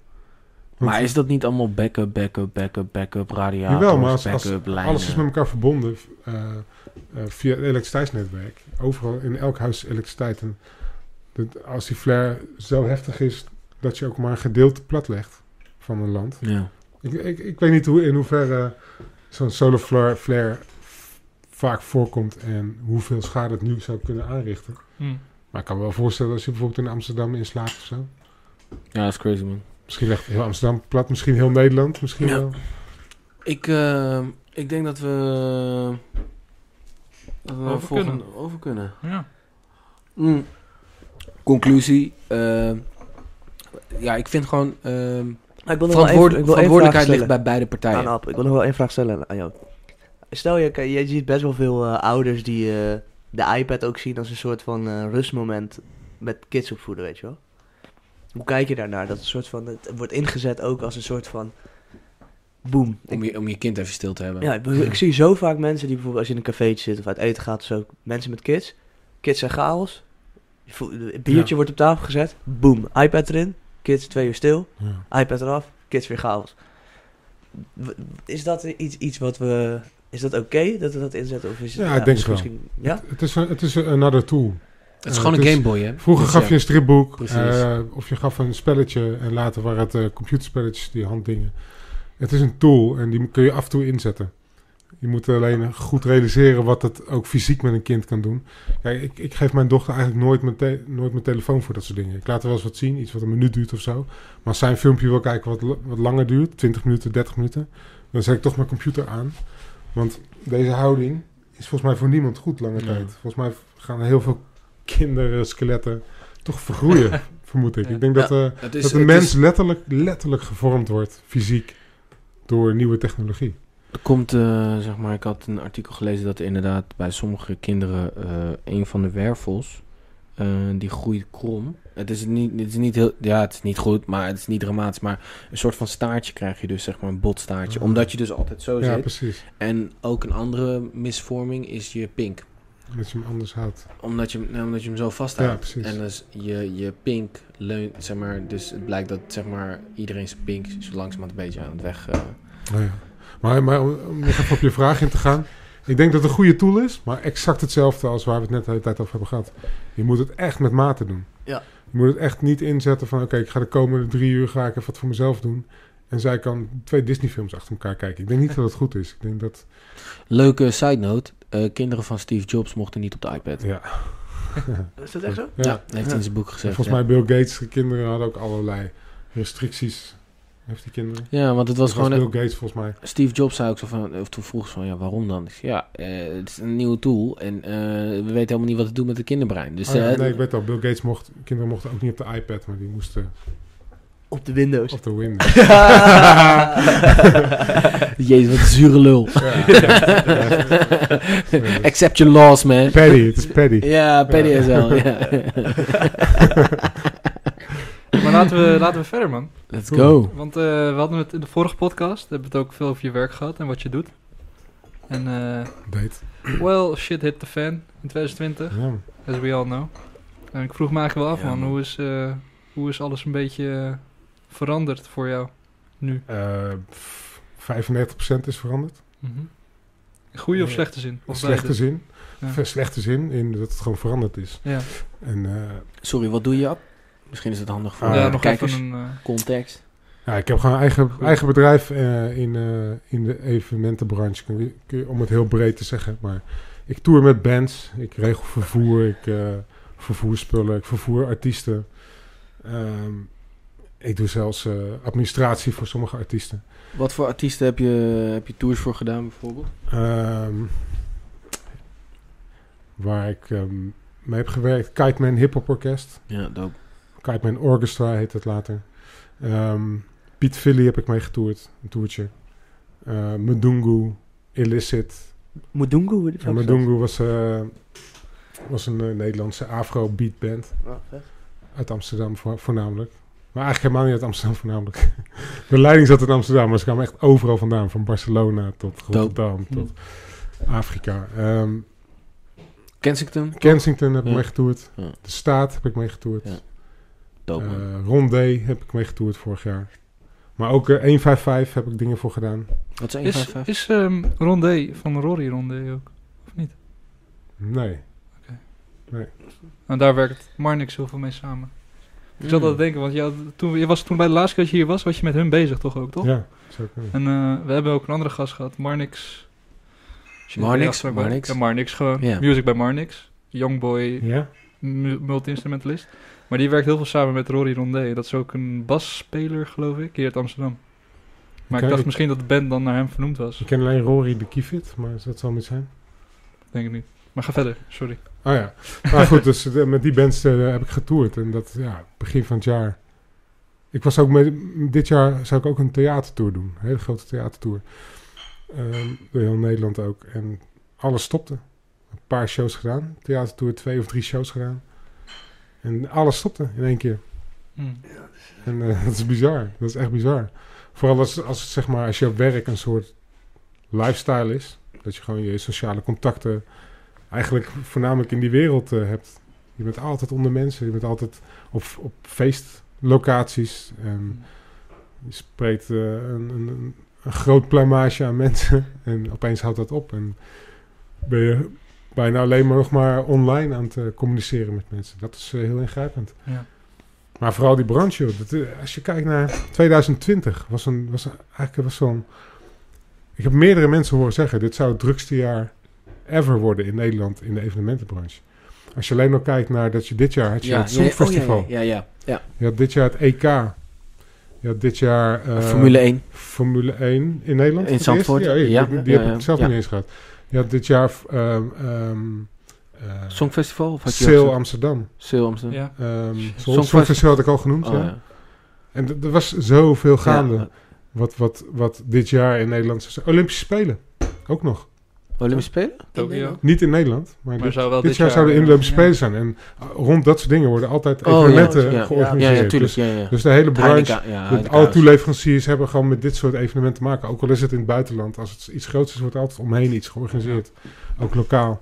En ehm, ja, dat, dat, dat, dat, dat stopte allemaal. Echt, Ja. ik had klanten die zeiden van... Ja, maak je borst maar nat. Dit jaar hebben we je vaak nodig. Echt vaak nodig. En Kensington zou vier keer de Ziggo Dome spelen. Ja. In eh, de- volgende maand, november, december. Oh ja, begin december volgens mij. Gaat niet door. Heftig, De. Europese Tour ging niet door. In, in, we, zouden, we hadden een lockdown en we zouden een week later op Europese Tour gaan. Werd allemaal gecanceld. En toen hebben ze die hele Tour, en dat is best wel een werk voor een boeker, helemaal omgeboekt naar oktober. En, ah. Ja. echt. En dat is een hoop planning. Want de locaties moeten bereikbaar zijn Ja, binnen een dag. ja, ja. Het moet allemaal passen. En dat wordt dan ook gecanceld. Weet je. Dus zo ging het het hele jaar door. En er is echt niks teruggekomen. Ik heb, eh, ik, tenminste, ik heb, we hebben vier shows nog gedaan met Kensington. Eh, het waren twee radioprogramma's, één televisieshow en één eigen show in het Zeevaartmuseum. En eh, Hm. Ja, dat, dat, is, ik, Eh, ik sprak de manager en ze zouden geloof ik 7.500 viewers moeten hebben, paid viewers, om, om break-even te spelen. In plaats van 51. Ze hebben heel veel fans. 51.000 kaarten verkocht voor de Ziggo Dome. Dus ja, 7.500 is een, een goal wat je wel kan zetten. Maar ze hebben maar 4.000 viewers. Mensen willen dat niet online een concert kijken. En dat snap Nee. ik. Nee, nee, ja, inderdaad, man. Dat is, dat is maar zo'n Nou, klein nou, aspectje. nog, van- nog ineens, nog, ik denk dat mensen wel een concert willen kijken online, maar ze willen niet betalen voor online eh, Ja. eh, content. Want in Het is een hele andere gratis. ervaring. Je ervaart het dan toch nog steeds Dat. in je eigen Maar je bent ook gewend ja. om gewoon gratis content op YouTube te zien. Dus als je ineens voor zo'n livestream ineens dat je denkt, ja, ik wacht wel. En eh, ik wacht gewoon op, eh, weet je wel, de, de videoproductie die een week later live komt. Check die wel gratis. Ja. Als, als ze dat doen. Als ze dat doen, true. Als je zegt van tevoren dat je het niet doet. Dan doe je het uiteindelijk toch natuurlijk. Maar dan misschien een jaar later of zo. Ja. Ja, dat Hey, en, en, en Ab, zie je dan, ehm, zijn er creatieve oplossingen? Zie je, zie je mensen in, in, in toch in eh, het- kunnen flippen en in eh, oplossingen denken en ineens een kans eh, benutten? Ehm, Natuurlijk is het niet dezelfde proporties als dat het voor corona was, maar zie je leuke creatieve initiatieven? Ja, le- leuk vind ik moeilijk om te zeggen, want ik, ik, ik vind het niet leuk. Ik zie- Creatief. Creatief, ja. Nou, je ziet heel veel eh, natuurlijk eh, online concerten zoals dit, die, die georganiseerd worden. DJ's die eh, online dingen doen. Maar echt, echt iets heel creatiefs schiet me nu even niks te binnen. Ik zie bijvoorbeeld wel dat Kraantje Papi heeft daar volgens mij net, dus het, zeg maar, op, of Stix heeft het ook gedaan, dat optreden, het wordt meer een soort van, veel, het veel intiemer. Dus dan heb je inderdaad gewoon optredens waarbij de artiest ook een soort van een huissetting heeft ge- neergezet op het podium. En dan zit ze, Stix had, had toen met zijn tour, of met, zijn, met dat optreden had hij gewoon een soort listening party ervan gemaakt. Van het nieuwe album, waarbij hij ook nog verses ging spitten. En, maar ook gewoon tracks afspelen en dan vervolgens daar een beetje gesprek aangaan. Dus veel intiemer, een soort van wat je voor corona zou zeggen van ja, dat ga je toch niet doen. Dat, verdien je geen geld op. Een soort en, Red Bull Music ja, precies. En nu moet je dat. En nu zie ik wel dat volgens mij... eh, En Kraatje Papi gaat dus nu volgens mij ook zo'n theatertour doen. Zag ik hem op zijn Instagram voorbij komen. Waarbij hij inderdaad een soort van huis, huiskamersetting op het podium heeft. Eh, wel, ja, het wordt een soort cabaretier. Het wordt meer theater, weet Ja. je wel. En het is veel intiemer. Dus je kan ook veel meer de diepte ingaan met je publiek in de ruimte. Maar niet Eh. iedereen zoekt die diepgang. Ik denk dat de grote meerderheid die naar festivals gaan, Nee, zoeken samen zijn met vrienden, een biertje drinken en, en losgaan of zo. Nou, Mm. en om even dan depri te zijn, erover, maar 51.000 man, moet je flink wat meetings, eh huisparty meetings doen. Natuurlijk, om die te, Ja, te, dat te, ook, te, ja. te- terug te geven wat ze willen.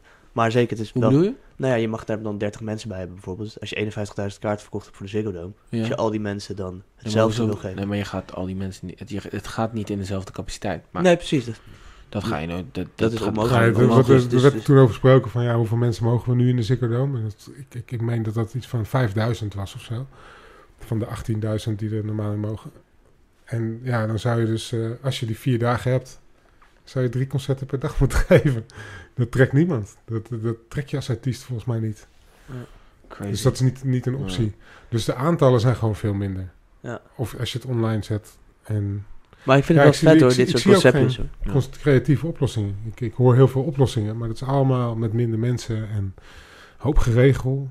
En Het is alternatieven. In plaats van oplossingen, denk ik dan. Toch? ja, dat zijn meer Ja. alternatieven. Ja. Ja. Nee, dat, ik zie... Ja, het is heel raar. Het is de creatieve sector, maar je ziet dat zelfs die gewoon vastzit in... Ja, het kan niet. Als je die anderhalf meter vasthoudt, kan, kun je niet iets bedenken wat hetzelfde... Hetzelfde biedt aan mensen. Hetzelfde, Ja. hoe heet het? Uitlaatklep of zo. Of experience. Hetzelfde ervaring. gat vult Ja. in die, in die markt. Ja. Dus eh, Maar denk je dat de markt, de, dat de evenementenbranche voor altijd is veranderd op dit Mm. moment? Denk je dat er nu een soort van... eh, is het nu zo, zo ver gegaan dat het voor altijd is veranderd? ja, daar denk ik heel veel over na. Ik, eh, dat, is heel, dat, dat is niet te zeggen. Je weet niet wat de veerkracht is. Je weet ook nog niet hoe lang het gaat duren.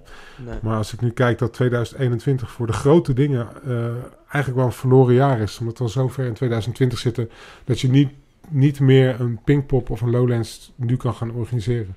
Tuurlijk kun je wel een, een plan B maken voor mocht het allemaal vrijgegeven worden. Maar je hebt te maken met apparatuur die je moet huren, podiumbouwers, maar ook artiesten die dan bereid moeten zijn om te komen. En stel dat in Nederland wordt het vrijgegeven op een Lowlands, maar jouw main artist kan niet komen omdat hij in Amerika zit en daar gelden andere regels bijvoorbeeld. Maar of het permanent veranderd gaat worden. Ik denk dat er heel veel infrastructuur in ieder geval tijdelijk weggevallen is. Er zijn heel veel mensen die nu eh, die in die branche werken, zijn ZZP'er, net als ik. En die dan maar gewoon op zoek gaan naar iets anders. En die gaan nu iets anders doen. En die komen erachter van, oh, deze levensstijl past misschien toch wel, toch wel goed bij me. Weet je, een vaste baan, zekerheid, regelmaat in het weekend vrij. Ja. dat, dat dat niet terugkomt. Er gaat heel veel kennis verloren. Dus in die zin zal absoluut de branche Veranderen. veranderen, Een soort van. tijdelijk. Maar Minstens het gaat wel kansen leveren voor, voor mensen die... eh, of de aanhouder, die krijgt meer werk als het weer open gaat. Ja, Of nieuwe, ja. nieuwe artiesten, nieuwe jonge mensen die eh, de branche ingaan. ja. Als het weer open gaat natuurlijk. Je krijgt ook andere vormen. Ik weet zeker dat... Ik heb altijd gezegd van... eh, als grap van... Yo, waarom doen we zo'n moeite? Een hele trailer vol met al die kisten en opbouwen. Dat je echt... ja, Als je kijkt hoeveel FTE's... Je, hoeveel uren je daaraan besteedt om een, om een show te doen van anderhalf uur. FTE, fulltime employees. Fulltime employees. ja, check. Die je nodig hebt voor, voor om Ja. één, één show van anderhalf uur te doen. Dus maakte ik wel eens grap van waarom doen je gewoon hologrammen? Dan kun je gewoon in Utrecht blijven. Dan heb je gewoon alles al staan. Dat staat er gewoon permanent. En je neemt het op of je doet het live en je kan een vijf concerthallen over de hele wereld tegelijk pakken. Als ze daar maar de juiste apparatuur neerzetten. Ja. En dat is altijd een grap. Maar ik denk wel dat dat soort, dat soort dingen misschien nu wel gaan ontstaan. Omdat, ze, omdat, omdat nu de technologie die dat, dat, dat soort dingen mogelijk maakt... er wordt nu veel meer naar gekeken van wat kunnen we nog doen, weet je wel? Hoe kom je nog op, op bepaalde plekken? Als je kijkt naar hoe, wat Zoom voor een vlucht heeft genomen. Ja, ja, ja. Heel veel mensen die altijd dachten van ja, thuiswerken, dat, dat, dat, dat kan niet voor mijn baan. Ik moet toch af en toe naar die ene afdeling kunnen lopen. Nu worden ze geforst en dan denk je van...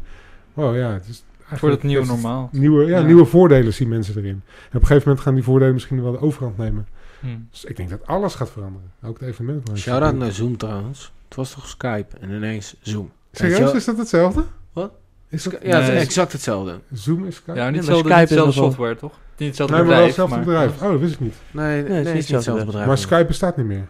Ja, Skype is jawel, nee, dat was Ja, de, ja. nee, nee, sorry. Mijn punt was dat gewoon Skype was altijd de, de, de, oh, de, we de, het de overgenomen in één keer. Ja, En ja, ineens ja, gewoon met die hele piek met thuiswerken was iedereen ineens met Zo Zoom. Dat ik echt denk, huh, maar we- Skype was toch die, die, die, die, die tool, weet je, Ja, die ja. marktleider. Ik snap ook nog steeds niet hoe Zoom zo...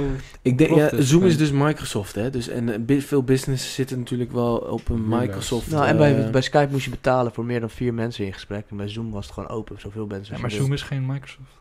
Zoom is gewoon... Jawel, zeker Nee, wel. maar Zoom komt uit China. Dat hebben ze met Eh. Microsoft te maken. Je hebt nu Teams. Oh, sorry, ik ben nu in de warme teams. Inderdaad, Ja. sorry. Ja, ja, je hebt Dat is, gelijk. wel Je een, hebt gelijk. dat is wel een chill programma trouwens. Ja. Shout-out Bill Gates. Thanks voor Teams, man. Nou ja, het is... eh, het is... eh, ja, die Ik heb nooit gezien. evenementenbranche en, Oh, en horeca wordt gewoon eh, hard gehit nu, weet je wel. Ja. Ja. Het is gewoon, je, je, je gaat nu waarderen hoe goed je het vorig jaar had. En hoeveel klussen je had en hoe groot het Ja. en hoe goed het ging. Ja. En nu, ja, het is een beetje, dus het hoort gewoon een beetje bij de economie. Ik, kijk, natuurlijk hoort een virus niet bij een economie. En het, dat bedoel ik niet, zeg maar. Ik bedoel wel, het is wel een beetje dit, toch? Golven. Nee. Het is gewoon live, man. Golfbeweging, altijd. Ja man, daar moet je altijd toch Precies. Probeer je toch gewoon Soms zijn die zoveel... golfbewegingen wat heftig. Wat, wat, wat, doe je, wat doe je aan je... wat, doe je nu om... eh, heb jij een creatieve oplossing voor jezelf gevonden? Om toch bezig te blijven? Ehm, nee, niet... eh, Formuleer hem eens even wat mooier. Ja. Als in, ik kan me voorstellen dat je bijvoorbeeld meer tijd nu hebt dan je Ja. voorheen had, doordat je werk is verminderd, weggevallen, whatever. Hoe vul jij nu die tijd in? Zie jij ook, zijn er ook positieve kanten die Ehm, vrijgekomen tijd? Of is Ja, het ik echt zie het alleen nog niet als positief. Het is, het is, eh, ik, ik moet zeggen, het is best wel eh, een, een soort mentale struggle. Van, Ja. van dat je leven opeens er anders uitziet. En, en vooral het, het jaar totaal anders uitziet dan Ja. je op had geanticipeerd. Dat is niet Ik, gek. ik werk al jarenlang naar iets toe.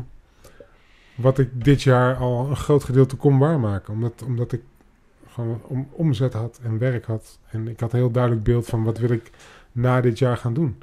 Dit was een soort van eindjaar van een periode waar ik al heel lang in zit. Waar ik naartoe werkte. En dat stopte. Dus ik moest sowieso helemaal opnieuw resetten. Van damn, wat nu? Hmm. Maar gaat het duren? Dus in eerste instantie focus je je vooral op corona. Je gaat, je gaat alles lezen wat er is te lezen. Want je, je snapt sommige dingen niet. Waarom 30 mensen? 30 mensen in een Echo is heel wat anders dan 30 mensen in een Ziggo Dome. Ik heb het meegemaakt met Kensington, waren we bij eh, Radio Veronica in de Ziggo Dome. Met deze concert voor 30 man. Op de vloer. Dus dat, waarom kunnen dat niet 300 of 3000 mensen zijn? Je kan toch gewoon anderhalf meter afstand houden met 3000 mensen in een Ziggo Dome? Makkelijk. Waarom is dat dan? Nou, omdat, we, omdat, de, omdat de noodwet zegt maximaal 30 man. In plaats van maximaal of minimaal Ja, ja. 4 vierkante meter per persoon. Ja, precies. Dat je dus aan, is de, toch veel aan- aan de makkelijker? vierkante Ja. meter koppelt in In het plaats van... kadaster staat overal hoe, hoeveel vierkante meter is. Dus we hebben, die, we hebben die data. Dus als je gaat controleren, je komt in een, in een echo. Hé, hey, hier staan 40 man. Even kijken, vierkante meters, 40 man. Oké, cool. Die zijn cool. Maar jullie hebben, hey, jullie hebben te veel mensen. Dat lijkt me makkelijker te handhaven. Ja, het is net zo makkelijk te handhaven als maximaal 30 man. Maar het, het zou de, niet de hele branche plat hebben gelegd. Het zou veel meer mogelijkheden hebben geboden voor grotere even- evenementen. En ik snap wel dat je bij een groter evenement is natuurlijk ook de kans dat je wel dichter bij elkaar komt. En die is mass, natuurlijk max, veel groter, eh, Want mass je hebt rijen voor de bar, je hebt rijen voor het toilet. Dat snap ik wel. Maar het, is dus, dus in het begin was ik daar heel erg op gefocust. En, en waar ik meteen... Kijk, ik, ik, zie- ik zie het dan zo van... Oké, dit gebeurt. En iedereen heeft... Ah, oh, als het vaccin er komt... Of dit duurt een paar maanden. En ik had zoiets van... Nou man, ik ga er gewoon vanuit van... Tot en met 2022 kan ik niet meer in deze branche werken. Dat is gewoon mijn uitgangspunt. Van wat moet ik dan doen... Om nog te overleven of om te leven.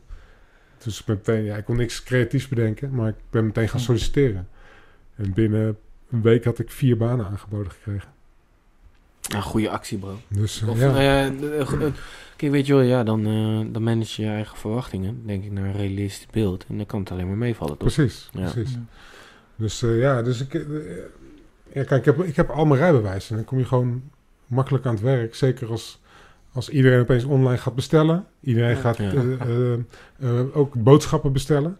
Ja. Dus ik denk van, oh ja, ik ga je solliciteren bij een Jumbo. Ja. bij een Albert. Ik ga solliciteren bij PostNL. Ik ga solliciteren bij transportbedrijven. En eh, ja, dus ik, ik heb een half jaar bij PostNL gewerkt. Shout-out naar PostNL, bedankt. Ook wel posten. maar ik ben blij dat ik eh, vanaf 1 november, wanneer is dat? Dat is volgende week, eh, officieel niet meer in dienst ben. Ik ben weer gewoon, ik heb het weer opgepakt. Ik heb toch wat klanten, die hebben mij benaderd. Drie klanten binnen de distributie. Dope. Dus dat is gewoon vrachtwagen rijden, pallets, pakketten afleveren. Maar En dat doe ik nu weer als ZZP'er, maar dat, ja, dat zet nog niet echt eh, zoden aan de dijk. ja, Maar het is in ieder geval veel beter dan, thuis zitten. nee, dan eh, in een loondienstwerk. Eh, Post en Ja. hel. Ja, post, post en hel. Ik vond het zo mooi toen je die gooide bij... eh, ja. Ik werk nu bij Post en Hel. Ja. Nee, het, is, het, is, het, is geen hel, maar ik, ik kan me voorstellen dat je daar jarenlang gewoon heel comfortabel kan werken. Want het is super simpel. Maar wat ik echt mis is eh, eh, dat je ook iets zelf moet regelen en Ja. moet bedenken en zo. Ik mis die input die je daar kan doen. Je krijgt gewoon, woep, die minuut moet je daar zijn. Dat is de volgende tijd. Echt op de minuut wordt dat gepland. En dat is heel comfortabel, maar ja, in comfort zoek ik het niet, weet je. Ik moet toch een soort van... ja. Een- Uitdaging. Een, een uitdaging Ja. hebben, ja. Maar van zo laat moet je er zijn. Zoek zelf maar uit hoe je, hoe je het regelt. Ja. Het is... eh, Het, is lastig, het lijkt me echt lastig, man. Dat je gewoon eh, helemaal gezien dat het gewoon zo'n groot jaar zou worden. En dat het dan eh, alles behalve... eh, Ja, maar ik probeer niet somber te zijn. hè. Het is, maar ik, ik, merk wel dat de ho- hoop is heel ver te zoeken op dit moment. Gewoon in de, in de wereld voor, Ja. voor sommige dingen. Nou, en ik kan Wat- me voorstellen sorry, dat veel wat- mensen uit de wereld die jij kent daar heel erg misschien meer in hangen dan jij. En Hoe- dat het ook moeilijk is om met hun eh erover te hebben. Of, eh, Ehm, of heb je niet zoveel last van? nou, nog een keer vraag? Snap je wat ik bedoel? Ja, Nee, jouw omgeving is natuurlijk ook gemaakt uit... Iedereen zit in, bij jou in je omgeving, denk ik, die jij kent vanaf werkgebied. Allemaal kut. Ja, Dus, dus er hangt denk ik best wel een soort van aura in heel veel plekken waar je nu met mensen of mensen die je spreekt altijd rondom dat. nou, dat is, dat is heel grappig. Want, want je wordt dus zo teruggeworpen op jezelf. Dat je erachter komt dat... Weet je, er is zoiets als vriendschap, eh, eh, vrienden en er is iets als kennissen. En eigenlijk als je in zo'n branche werkt, ga je heel vriendschappelijk om met kennissen. Want je ziet, zeker als je zo'n crew om zo'n grote band heen kijkt, heb je het toch over met de band erbij, ja, wat is het, 12 tot 20 mensen die je regelmatig ziet. En regelmatig is dan echt Ja. wel soms wel 60, 70 dagen per jaar, weet je wel. Meer dan je met je vrienden van buiten de branche doorbrengt. En als dat wegvalt, dan merk je hoe weinig je nog contact hebt. Wat, Ja. wat moet je elkaar appen? We zitten allemaal in dezelfde situatie. Ja, eh, eh. Wat moet je elkaar nog appen, weet je wel? Er is niks, niks meer om over te hebben, behalve... Hoe laat ben jij opgestaan? Ja, dus, dus, ja, dus that's ik heb me- het eigenlijk alleen maar met mensen over die niet in man. situatie zitten. Ja. En eh, dan merk je dat, dat er veel, dat mensen er heel anders naar kijken. Dat mensen, sommige mensen vinden het super chill. Weet je, zo'n lockdown. Heerlijk, thuiswerken. En andere mensen vinden dit weer super chill. En andere mensen vinden dit weer heel moeilijk. En, en Ja. ja. Maar ik zag volgens mij Bart net denken, hoezo hopeloos? Ah. Ja, sorry. ja. Het is niet hopeloos, maar ik zeg alleen dat hoop moeilijk te vinden is. Ehm, gewoon omdat je niet weet wat er gaat veranderen.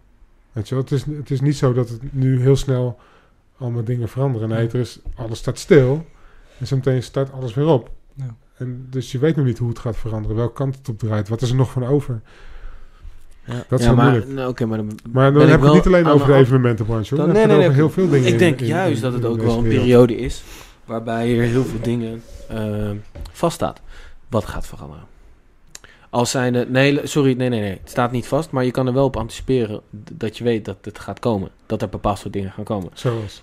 Iedereen gaat thuiswerken. Thuiswerken wordt een beetje de nieuwe norm. Dus inderdaad, hoe kun je daarop inspelen? Daar ben ik bijvoorbeeld nu heel erg mee bezig. Ik Maar zo heb je Ik dus... heb wel een idee voor je.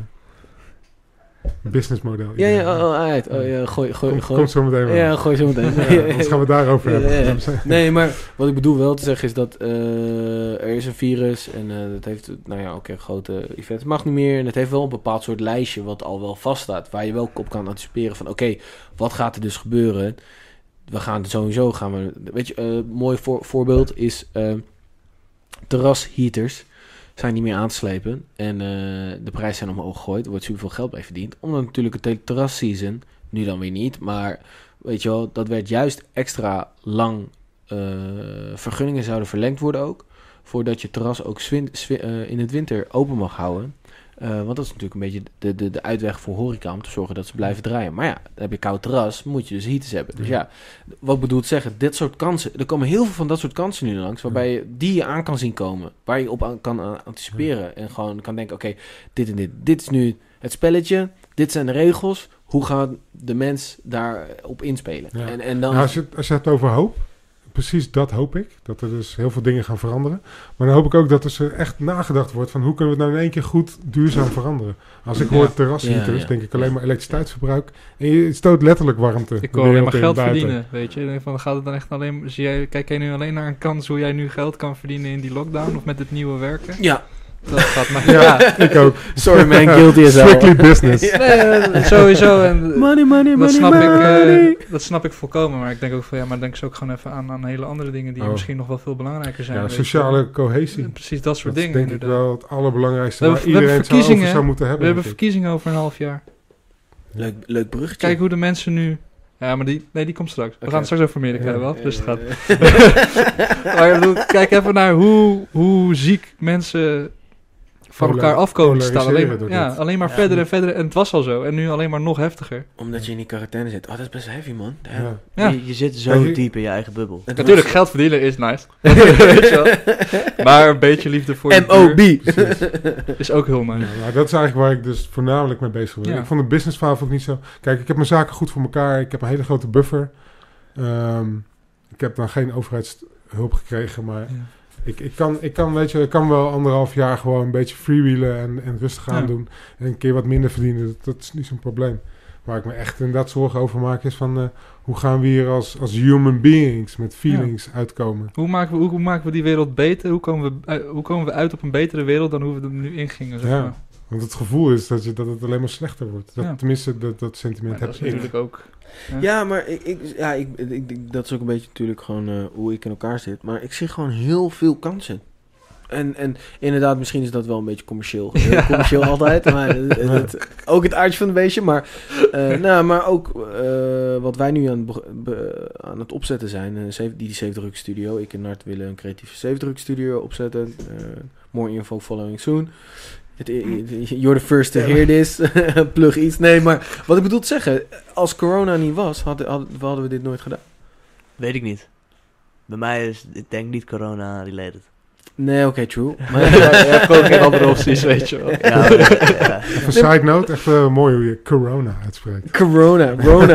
Right. nee, nee, Klinkt maar... veel minder erg dan corona. Ja, ja, COVID-19. Het is trouwens wel echt een dingetje volgens mij onder jongeren dat veel jongeren gaan. Corona, of gewoon een soort van... Rona, Rona. Een soort Rona. van, De Rona? De Echt Rona's, ja, zeker. Een soort van slang ervan maken, Ja. het gewoon heel irritant is om het de hele tijd heel hard te zeggen. COVID-19, ja. Dus dat je gewoon een soort... Maar, Nee, maar ik bedoel te zeggen... eh, omdat je dus een soort van terug wordt gestuurd naar je...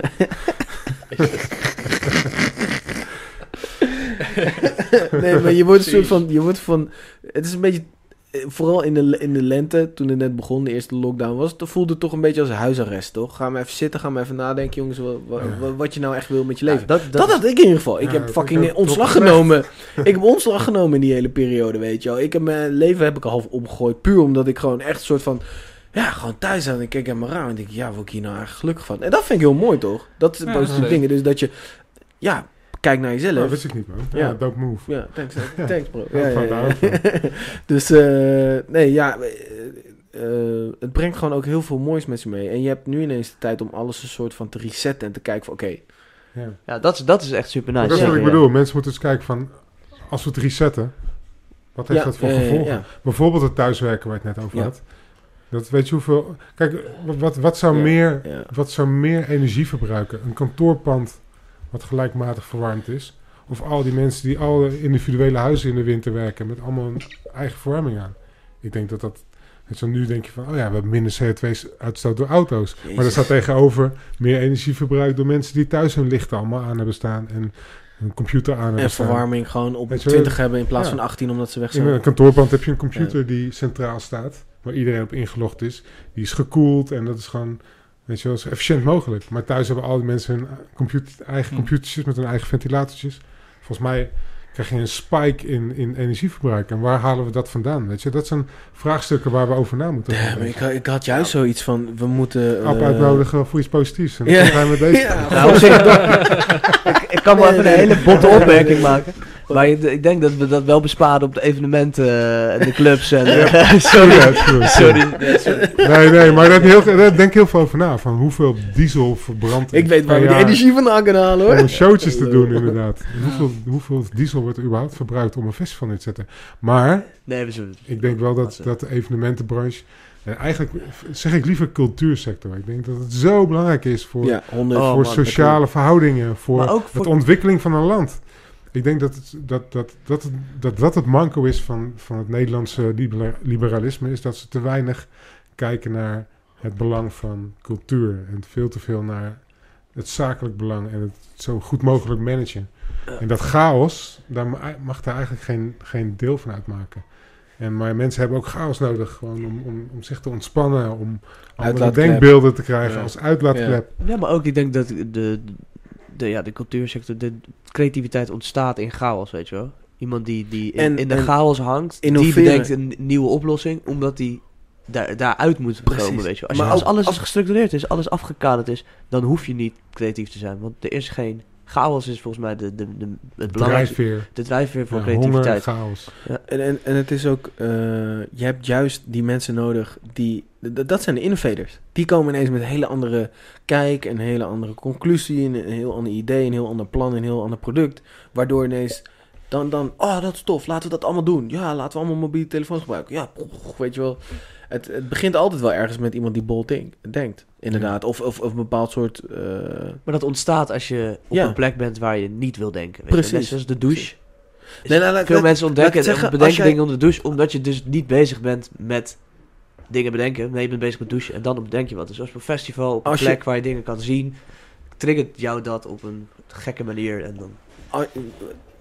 als je vooral perfect in het plaatje past en je doet gewoon je dagelijkse routine en je volgt alle regels, dan gaat er dus nooit verandering komen. En dat is inderdaad voor progressie heel belangrijk dat we af en toe een uitstapje doen in iets. En dat is meest, dat gaan we nu wel zweverige shit, maar dat is denk ik super belangrijk toch? Dat je juist Ja, een alle, lijpel alle hebt. Die... innova- i- innovativiteit komt toch voort uit mensen die niet doen wat iedereen Exactly, exactly. Juist die bold, die, die, die, die weirdo's, weet je wel. Die juist eerst uh, verketterd werden. En uiteindelijk van, oh ja, het is toch wel een heel goed idee. Dus daarom is het juist zo belangrijk. En, en vooral zo'n cultuursector, eh, waarbij, eh, er gewoon geld vrij wordt gemaakt. Dat, dat je, je, je supplyt gewoon, je zorgt ervoor dat er gewoon mensen creatief bezig kunnen zijn in de breedste zin van het woord. En het, ja, ik, ben, ik, ik was er niet zo... eh eh, dat denk, De plasmove doen. ga plasmove. Zet even half nieuw thee. De, ik, ik had hem al aangetikt, dus hij is denk ik nog steeds warm. Nee, maar eh, dat is zo, zo fucking belangrijk. En de, cultuur vond ik altijd een beetje van, ja, weet je wel, jongens, leuk en aardig, maar als jij niet een product maakt, een kunstwerk maakt, wat niet verkoopt, dat zegt dat dus ook, weet je wel, dat dat niet goed genoeg is. Maar dat is tekort, denk ik ook. Ja, maar het is wel, dat, dat sluit wel aan bij die eigen verantwoordelijkheid waar je het over hebt. Ja, Mensen zijn heel vaak zo verbitterd over iets wat ze niet kunnen bereiken. En die schuiven dat dan af. Op de, Ja. een schuift het af op racisme, de ander schuift het af op seksisme, de ander schuift het af op dat er niet genoeg geld voor cultuur is. Maar misschien is het wel gewoon dat je eigen handelingen niet goed genoeg Ja. zijn om ja. te bereiken wat je wil. En dat moet, dat moet je gewoon, ja, dat is heel kut om dat tegen jezelf te zeggen, maar je moet gewoon duidelijk weten wat je sterktes en zwaktes Ja. zijn. Ik denk dat dat de taak is van ieder mens om daar achter te komen en niet te veel te kijken naar andere mensen. Dat, dat, dat is je eigen verantwoordelijkheid inderdaad. Maar, en dan heb je dan daarnaast natuurlijk gewoon eh, de, de, de, de, de, de spelregels en het, Ja, het, het, het, het, het spelbord wat inderdaad ge- gemaakt wordt. Dat moet gewoon wel zo toegankelijk mogelijk en, en, en ja, Ja, of je doet juist iets wat totaal haak staat op die spelregels en maak je iets heel nieuws mee. Dat gebeurt ook zo vaak. 100 agree. Dus ja, ja, dat, ja in deze hele situa- situatie ben ik gewoon echt heel veel aan het denken. Ja. Heel, Maar wat, wat, hebben jullie ideeën wa- waar, waar zo'n evenementenbranche naartoe gaat of kan gaan? Ehm, Nee, ik hoopte wel volgend jaar gewoon weer op het festival te kunnen staan als bezoeker, maar... linksvoor.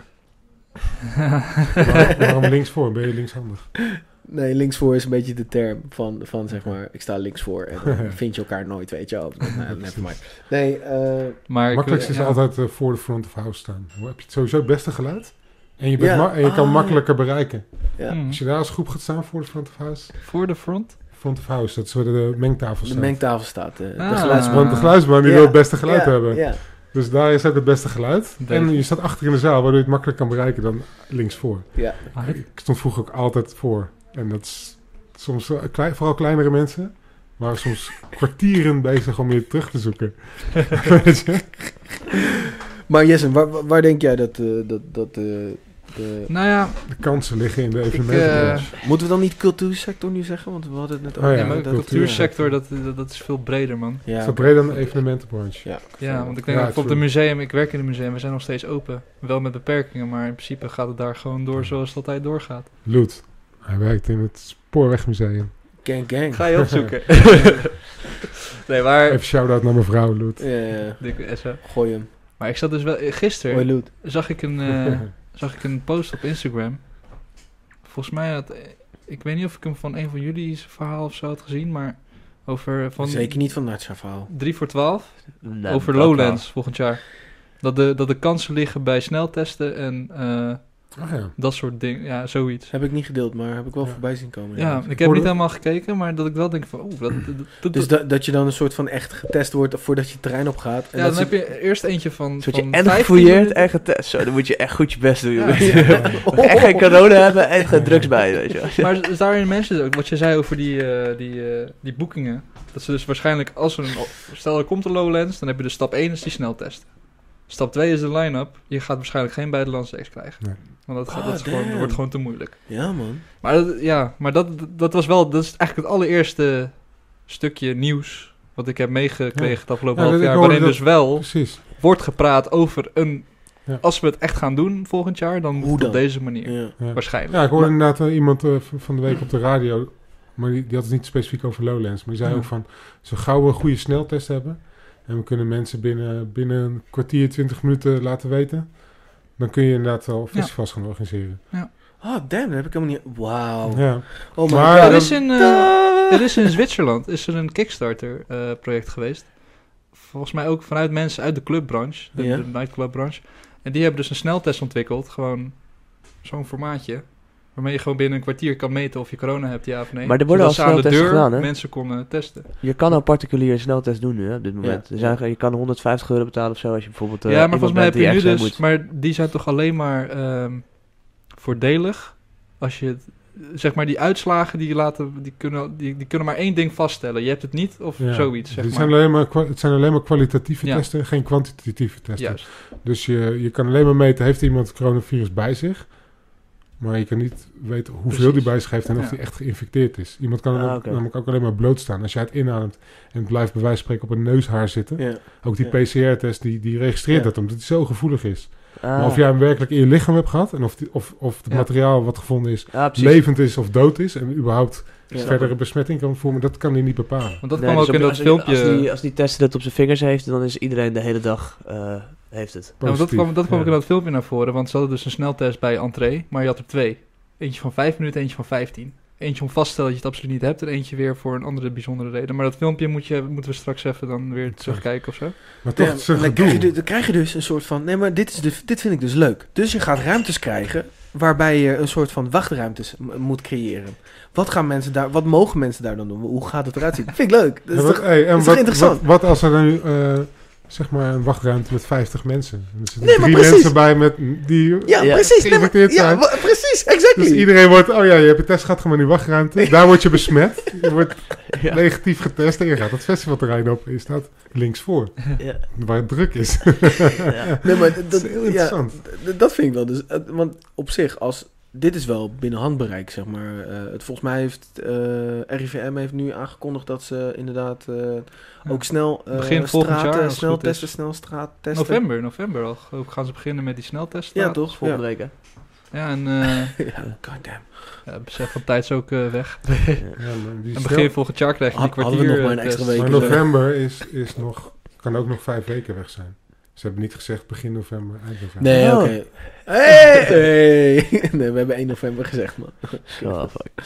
Eh, nee, maar... eh, dat, maar dat is wel leuk, want dat zit er dus... Dat, dit is wel een soort van... Oké, realistisch kan dit daadwerkelijk wel in praktijk gebracht worden. En waarschijnlijk dus ook wel eh, goedgekeurd worden. Maar ik vind het wel een hele goede kanttekening vanaf. Want ik, ik durf het zelf niet te zeggen, want ik ben bang dat het misschien helemaal te dom is voor woorden of zo. Maar ik, ik vraag me ook voor van, oké, je hebt dan 5000 gezonde mensen op je terrein staan. Een virus gaat er gewoon door de lucht. Hmm. Nee, maar het kan, Dus niet, het kan zo, toch- het kan niet zo lang... blijft Ah, het is natuurlijk buiten, laat maar. Ja, Het Het blijft niet wel zo lang. buiten festival ja, ja. Ja.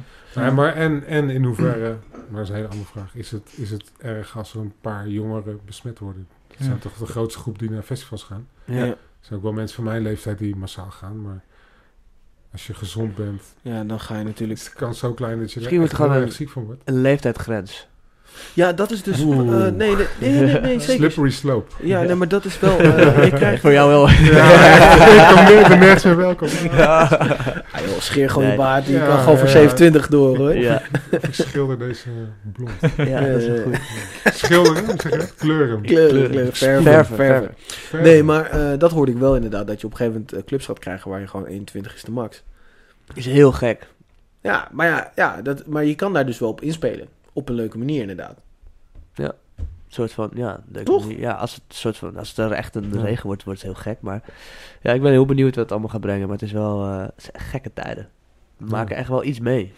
Ja, man. Ja, hè? Het is, Honderd. dat voelt wel, ik heb nog nooit, nog nooit eerder gevoeld dat ik dacht, oké, ik maak nu echt, we hebben best, er zijn best lijpe dingen gebeurd. Nou, Kun je, kun je nog herinneren, die eerste dagen gewoon. Dat je gewoon stil op straat is, zat thuis. en Ja, joh, Oh ja, de stad, jongen, de Wie, stad. wie, ik, dat, het eerste wat door mijn hoofd ging, na de cijfers die, eh, die het- presenteerden, Het zakje is niet zo goed. hadden, toen hadden ze Ah. het over, over die herd immunity.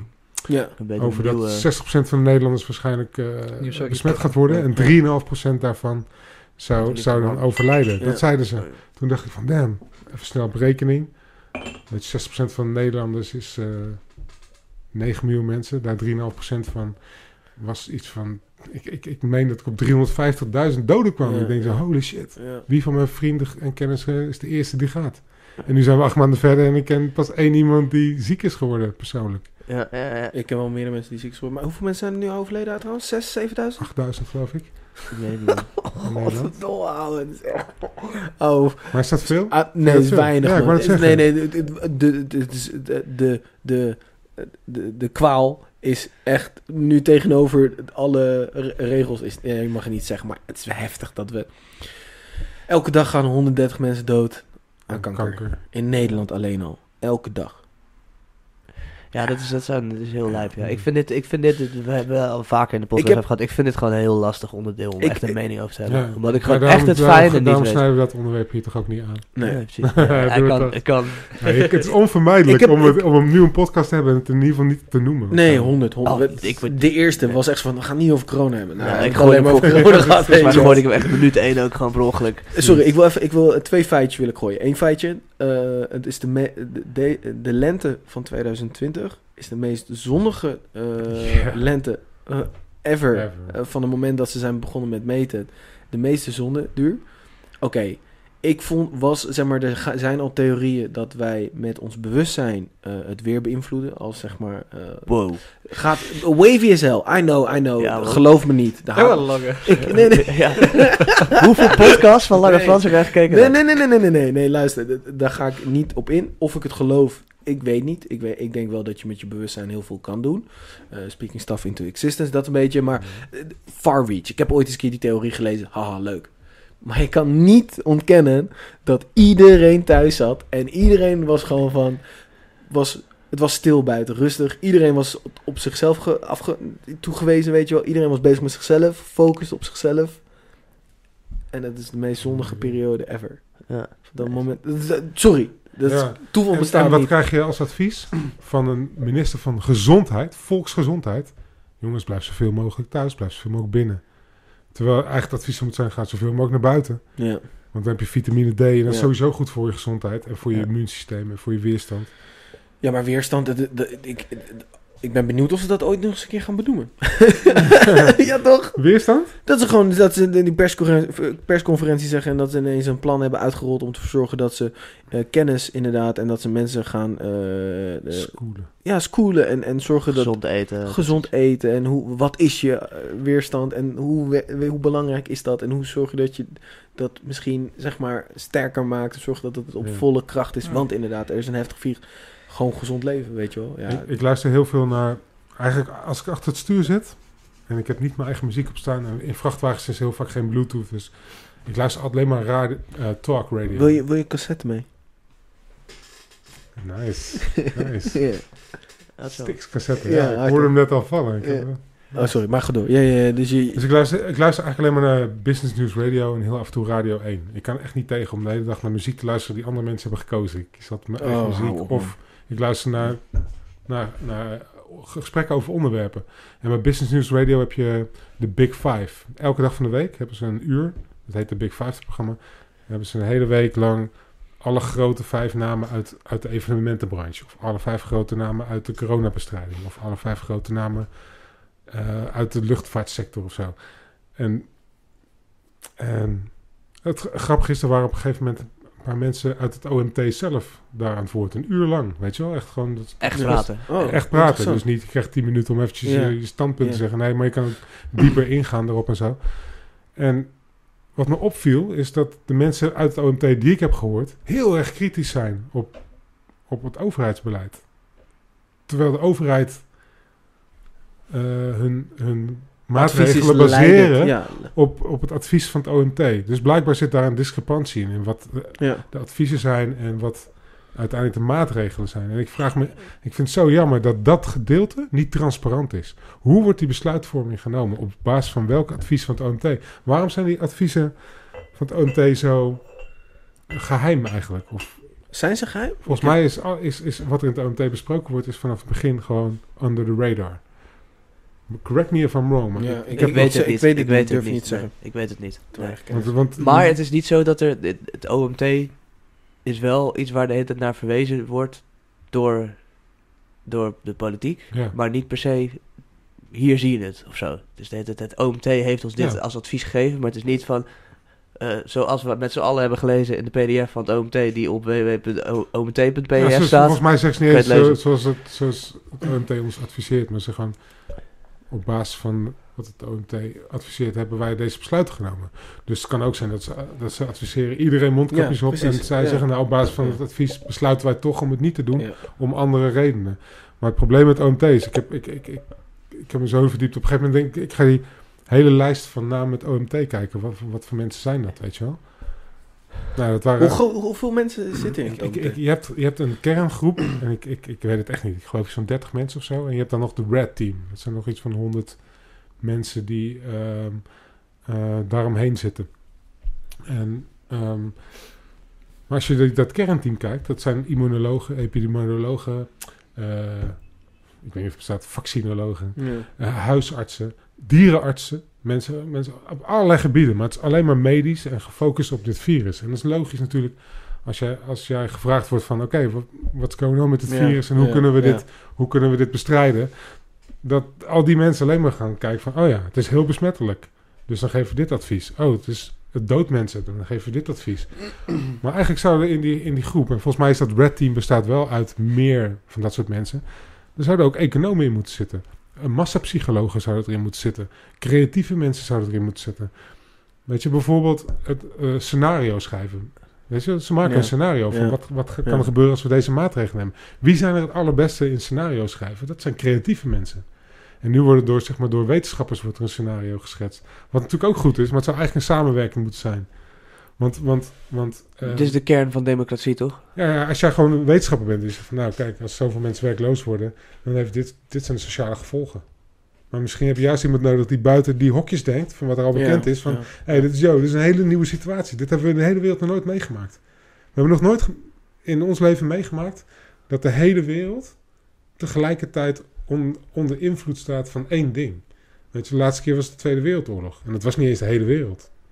De Tweede Dit Wereldoorlog. is echt maar de hele fucking... wie leeft er nog Ja. uit de Tweede Wereldoorlog? Weet je, dat zijn niet veel mensen meer. Dat is, dat is een percentage, klein percentage.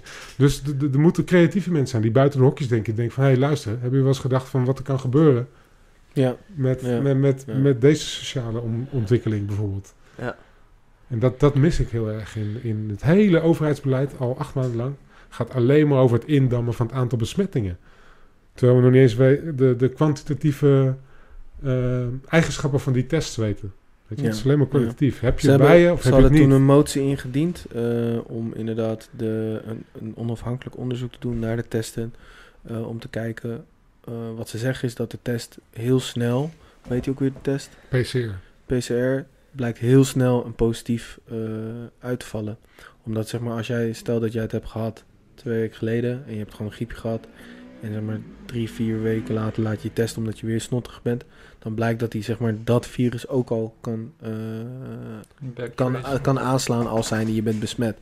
Ehm, en daar zijn dus zeg maar nou ja, artikelen over geschreven die zeggen dat het toch wel eh, een, een 80 à 70 procent van de test kunnen zeg maar te veel positief, eh, foutief positief uitvallen.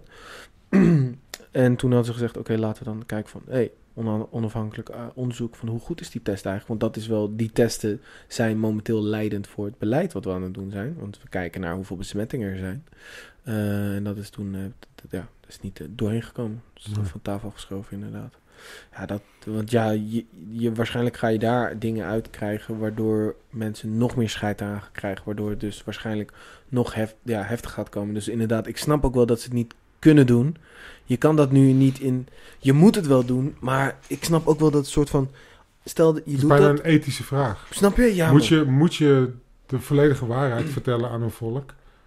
En wat zijn daar de consequenties Ja, van? Of moet je dingen Ja. achterhouden en een bepaalde richting kiezen? Ja, En, en, en aan, het, aan het beleid vasthouden, ongeacht wat daar de gevolgen van zijn. ja.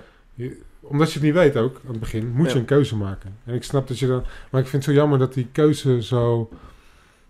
eh, Weinig bijgestuurd. radicaal bijgestuurd is. Ja, maar honderd man. Want, Eens. want de cijfers zijn wel radicaal veranderd. Van Ja. 3,5 besme eh, procent besmetting, eh, of dodelijkheid Dode- op besmetting. De IVR heet dat, de Infection Fatality Rate. Dus de officiële term die de? WHO gebruikt.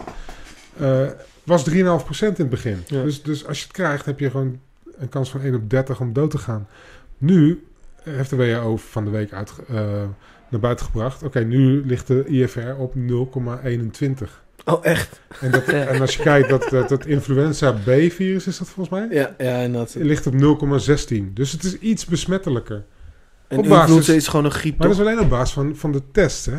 Of iets besmettelijk is, zegt nog niet of je er alleen aan blootgesteld... Of je besmet bent, zegt nog niet alleen of je blootgesteld bent. Maar ook of je in- geïnfecteerd zijn. Dat Ja. zijn twee verschillende dingen. Dus zeg maar, de, de- wat men ook zegt, Ja. de duur van hoe, als jij in een kamer zit, eh, daarom zeggen ze nu ook dus ventilatie zo belangrijk is. Als er virus in, het raam, in de kamer is en je hebt het even ingeademd, dan wil nog niet zeggen Nee, dat je niet- dan... je spuit ziek- het niet in, als het ware. Nee, het is niet precies. een soort Nee. van in je bloedader Nee. inspuiten, dus je, je krijgt het. En dan heb je het gelijk. Maar Nee. als, je, als er een aerosol is, als dat dus zo getransmit wordt, dan weet je, het kan niet meer levend zijn, of in ieder geval niet meer zo levensvatbaar dat het zich kan vermenigvuldigen. Maar je krijgt het wel in je neus. Dan wordt het ook, dan wordt het ook, ge- Wat zei je? Oh, ik pak koffie thee. Komt goed. dan wordt het ook geregistreerd als besmetting. Ja. En wat ik heb begrepen, ik ben geen eh, jurist, maar de, de, de term besmetting heeft geen juridische waarde. Maar de term blootstelling aan en eh, infectie wel. Dus als zij zouden zeggen van, dit zijn, er zijn 3000 zoveel infecties, dan zou je in een rechtszaak, zou je zeg maar, Kunnen aanklagen van dat klopt niet. ja. Maar het- is een blootstelling. Je, hebt het bij, je draagt het bij, virus bij je, dat is no doubt. Met die PCR-test, nou no doubt. Je hebt 1% kans dat je een vals positieve test krijgt of een vals negatieve test. Ja. Dat is 1% kans. Maar dat betekent wel, als je, als je maar 1% eh, besmettingsgraad op alle testen zou hebben, dat je dus het aantal mensen dat je positief telt eigenlijk het dubbele is. Omdat er valse negatieve veel groter zijn. Die zijn 99%. En daar zit dus ook, van die 99% is ook 1%. Oh, ik ben je kwijt, man. Ja, het is, het is een, het is een, het is een rekensom. Ja, ik ben, hebt ik ben, 1%, ik ben nu 1% kwijt. is positief. Ja, Zeg, eh, om het, we maken het even makkelijk. Ehm 10.000 mensen worden getest. ja, 1% is positief, dus Ja. 100 mensen zijn positief getest. ja. Maar je hebt 1%, vals, 1% vals positieve. Dus Ehm, van, de, van de 1% die, Ja, die positief getest is, is 1% weer Van- niet. als- als- dus als 1% statistisch niet. zo is van, van, de, van de aantal testen is 1% positief. Dus je hebt 10.000 testen gedaan. 1% is positief, dus 100 mensen. Dan heb je En da- 99 en mensen die 99 echt... 99% betrouwbaarheid. Dus één iemand is positief getest terwijl hij eigenlijk negatief was. Ja. Aan de andere kant heb je dus 9900 mensen die negatief zijn getest. Maar 1% ervan is vals negatief. Dat is Ah, ja. 990 mensen. Ja, precies. Dus het is veel groter. Nee, 1%, sorry, dat is 99 mensen. Dus, Dus je hebt zo- nee, 99 mensen die echt positief zijn. Ja, Maar je hebt eigenlijk nog 99 mensen die dus je positief hebt zijn. eigenlijk 200 mensen. Dus misschien, dat kun je niet weten, als je niet een, eh, een kwantitatieve test doet daarna, een laboratoriumonderzoek, weet ik veel bloed, of ik weet niet hoe ze het, of ze het überhaupt kunnen meten, kan het zo zijn dat het aantal besmettingen eigenlijk het, Het dubbele infecties het dubbele is van wat je van meet. wat we meten. Dat zou betekenen dat de IFR, waar we het net over hadden, nog veel lager ligt. Maar dat weten we niet, zolang we niet nog een opvolgende test doen na die PCR-test. Het is wel echt een numbers game, man. Ja, maar dat is het. Het is, het is eh, Ja. Maar de numbers zijn wel leidend, dus het is wel belangrijk om kritisch te zijn op die nummers en wat ja, maar zeggen dit, die. wat Richard net zei is wel interessant inderdaad. Dat het dus als die test dus op 1% faalt, dan kan het dus zijn dat het bijvoorbeeld nog meer is. Maar Ja. dan is het dus nog minder, in, minder mensen die er echt daadwerkelijk aan doodgaan. Want er zijn bijvoorbeeld al eigenlijk 200 mensen besmet, terwijl dat we denken dat er 100 zijn. ja, Toch? Ja. Dat is eigenlijk wat je bedoelt. ja, Dus dan zou dat, dat, dat dode aantal eigenlijk nog lager liggen. ja. Eh, alleen het aantal besmettingen hoger. Maar het moeilijk met cijfers is, met wiskunde, is dat stel dat, het, dat de infection rate op het aantal testen eh, hoger is dan 1%, wordt, wordt die nummers ook meteen heel anders. Dus stel dat het nu in plaats van 1%, 10% van de mensen positief getest worden. Dus in plaats van 100 mensen positief, zijn er nu 1000 mensen positief. 1% ervan is, is eh, vals positief, dus Ja. dat zijn maar 10 mensen. Aan de Maar- andere kant heb je dus eh 9000 Ja, gewoon ja, 90. 9000 mensen die negatief getest zijn. En daar zijn er Ook 1% klopt. 1% van. En dat zijn er maar 90. En dan Ja. is de verhouding anders. Dan is het 900 positief. En ne- 90 hadden eigenlijk ook positief getest moeten worden. Ja, precies. Dus dat switcht heel Snap je? Ja, ja, ja. Dus als je dat soort cijfers als, als, als voorbeeld noemt, denk je... Oh ja, het, het beleid klopt niet. Maar dat is, dat is het enige. Na, na maandenlang met mensen discussiëren. Ik heb echt met één iemand vanaf dag één... elke maand, elke week... een back-and-forth discussie Ja. gehad. Want die, die zag de hele andere kant van wat ik zag. Maar dit is het enige wat ik dus niet... waar ik dus, Niet waar ik dus over twijfel. Ja. Van, weet je wel... Wat als we het helemaal los zouden laten? Wat gebeurt er dan? aantal besmettingen gaat sowieso omhoog. Ook, ook al is het geen infectie, het aantal blootstellingen gaat omhoog als we alles loslaten. Hoe dan ook. Maar wat heeft dat voor gevolg voor het aantal doden?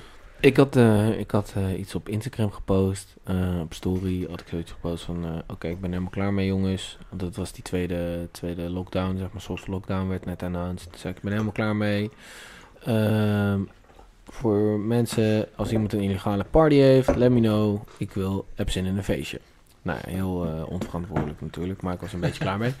Volgende dag, toen werd ik op mijn vingers getikt door een oud maatje van me. Die is dokter bij de eh, spoed... Of nee, de, hoe noem je dat? Spoedeisenhulp in Utrecht, dankjewel. En eh, toen heb ik met hem een goed gesprek gehad, gewoon inderdaad. Eh, en hij zei, hij was wel boos op me van Bart, dit is niet, weet je, ik snap dat het heel frustrerend is, maar het is niet the way, bla bla bla. En toen hebben we gewoon een goed gesprek gehad.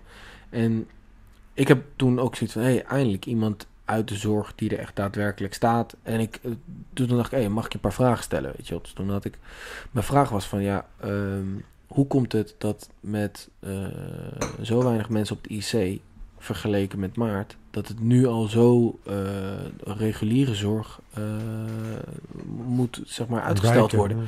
Toen zei hij een goed punt, wat ik dus niet wist, wat ik even wil vertellen, is dat maart is alle normale zorg stopgezet. En nu is het maar voor 20% volgens Ja. mij normale zorg. Dus nu hebben ze een soort van, oké, dus ze hebben naast corona, hebben ze gewoon de normale zorg nog te doen. Dus ze hebben veel meer, de workload is meer heftiger. Plus zijn zij nog steeds de backlog van inderdaad de periode dat de normale zorg stop is gezet, zijn ze nog bezig met Aan het verwerken. aan het verwerken. Ah, maar shit, daarnaast is het ook nog eens dat zorg, hij zegt zorg is continu. Dus het, de, de, het, het- de- snap je? Het, nu moeten we een soort van de, de, de, de achterstand in gaan halen. Eh, en Terwijl dan er krijg, bij komt. terwijl er weer bij komt. Ja. En dan ook nog weer corona. En corona zorgt er wel voor dat heel veel shit gewoon inderdaad... eh, dat je minder efficiënt te werk kan gaan in het ziekenhuis. Ja. Snap je? Dus dat is ineens... Toen dacht ik, oké, ai, dat wist ik niet. Weet je wel? Top. Dus toen had ik wel zoiets, oké, ai, thanks daarvoor. En eh, toen ging... Toen was ik met hem... Toen was, heb ik de kritische vraag gesteld... Of de vraag gesteld van... Wat hebben jullie gedaan na de eerste lockdown? Want het was een soort van... De eerste lockdown was daar. Toen ging het weer helemaal beter, bla.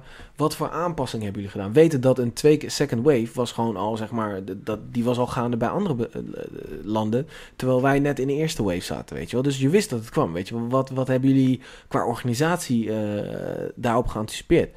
En toen zei hij eigenlijk van eh, minimaal. En ze hebben wel ze gezegd van, oké, moet we hebben meer handen nodig. Dus meer personeel weer nodig. Dus meer vacatures opgezet. Maar ja, het is heel lastig om gewoon mensen te vinden. Ja. Ze hebben eigenlijk gewoon Nou, de zorg... Sterker nog, je kan niet zomaar aan de slag in de zorg. Nee. Nee, maar opleiding nee, nee, maar, vet- precies. Nee, maar precies. Maar dus het hele punt is, is dat het is gewoon een enorme workload. De, de, het salaris is niet eh, voor, voor de money doe je het niet. Eh, en daarnaast is er gewoon zo lang al door onder dit VVD-beleid de zorg eh, bezuinigd, Ja. kapot bezuinigd. Daar raak je Dus- de kern. Het probleem is niet corona. Het, de- het probleem is het beleid Precies, wat nee, er al precies, nee, precies. is. En Ja. dat is nu wat ik het irritant eh, en dat is echt hoe met zeg maar hij trok zelf niet die conclusie, maar ik ging erover in van ja, weet je, hoe komt het dat we niet dat je dat jullie dit niet aankunnen, weet je wel? En daar kwam gewoon op aan van ja, weet je wel, bezuinigingen, slecht eh, wordt slecht betaald. Het is niet heel soort van ja, eh, een, een, een, een toffe baan om te hebben. Ehm, en inderdaad bezuinigingen, de priva- privatisering van de ziekenhuizen, waardoor inderdaad het ziekenhuis geld moet verdienen, bla bla bla, et cetera. Dat maakt nu eigenlijk dat het, nu hebben we de zorg eigenlijk heel hard nodig. En dan komen we erachter van, oh ja, nee, maar eigenlijk door dat kutbeleid en door de- al die bezuinigingen eh, kunnen we maar, eh, weet je wel, 60 mensen op de IC hebben, want anders eh, gaat de normale zorg al teruggedraaid worden. Ja. Maar dan staat de VVD daar wel met een vingertje, jongens, jullie moeten je gewoon aan de regels houden. Mhm. Terwijl je denkt, ja, maar door jullie beleid is eigenlijk het. We zijn Nederland, weet je wel. Waarom is onze zorg niet on point? En hier En dat kan vond- Jesse een dat goed vond ik- bruggetje mee maken met... Dat is dus heel belangrijk tijdens het stemmen. Kan dat nu dus heel Ja. interessant worden Ja. hoe je dat moet aanpakken. Jesse, Ja, Amerika. let's get it. Ja, Amerika. Amerikaans maar dit- is vind- Maar dit- vind ik interessant wat je nu zegt. Hier ga ik nog een keer goed over nadenken Ja, en nee, dan maar- met, voor met mijn pa hebben.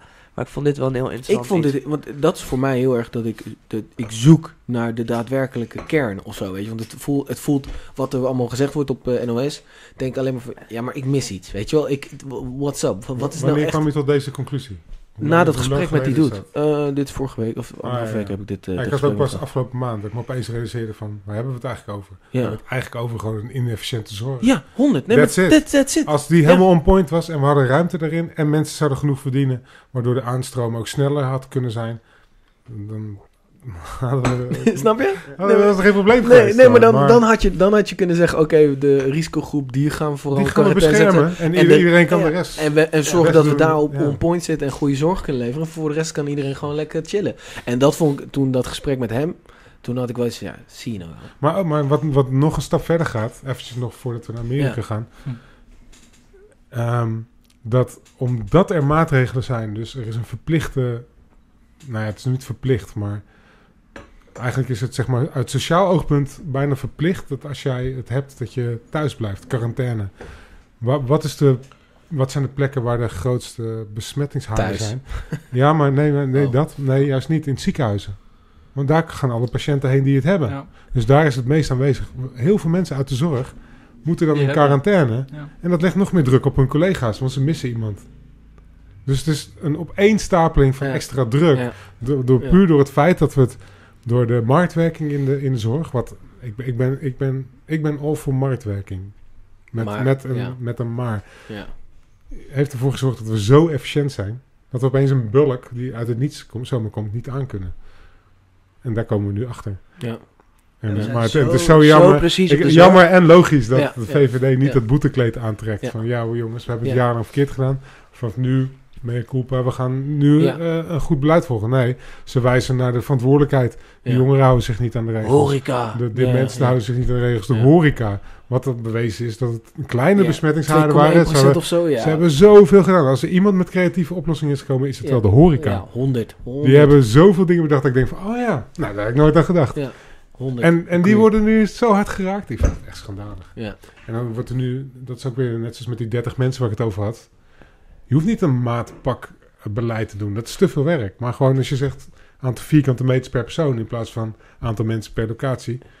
Eh, met, met, met, ze hebben nu 2500 euro gekregen, de horeca. Elke horeca-ondernemer Ja, heeft nu exact, 2500 euro. Dus dat betekent dat een bruin, bruin kroegje, die al helemaal afbetaald is qua Ja. hypotheek, die al 50 Schat jaar chillen. zit, krijgt 2500 euro. En die denkt van ja, ik lig wel stil, ik kan het leuk gebruiken. Maar ik had mijn schaapsel bedrogen tegen iemand die bijvoorbeeld twee grote tenten net heeft geopend dit jaar. Of Max, zou open zou gaan dit jaar. Max. Ja, ja, vriend Wat, van mij wat, wat ga je met 7.500 euro doen als je drie tokens hebt, weet je wel? Ja, ja. Ja, een vriend van mij die heeft Eén keer net- maand, die, uur. die zou dit jaar in april op de Neude, eh, sorry, op de Domplein in Utrecht Dope. een nieuwe zaak openen. Dat zou hij in april doen. Ja. Ja. Of Oh, jezus. Ja man, dat, dat, is, dat is wel een andere koek. Ja. En dat je dan zo wordt, dat je, dat je dan opeens die, verbod krijgt voor de Maar- horeca. Ik, ik, het is wel gek dat die regels de hele tijd zo dan dus eh, zo, zo universeel in worden gezet. Ja. Van, oké, je hebt een café en iemand heeft een tent met 50 werknemers. Je krijgt allebei 2500 euro. Een soort van. Ja. kromme... Ja, het is helikoptergeld. En dat is altijd is dat gewoon voor iedereen hetzelfde. Zo Ja. noemen ze die, die term, maar het is niet, het is, ja...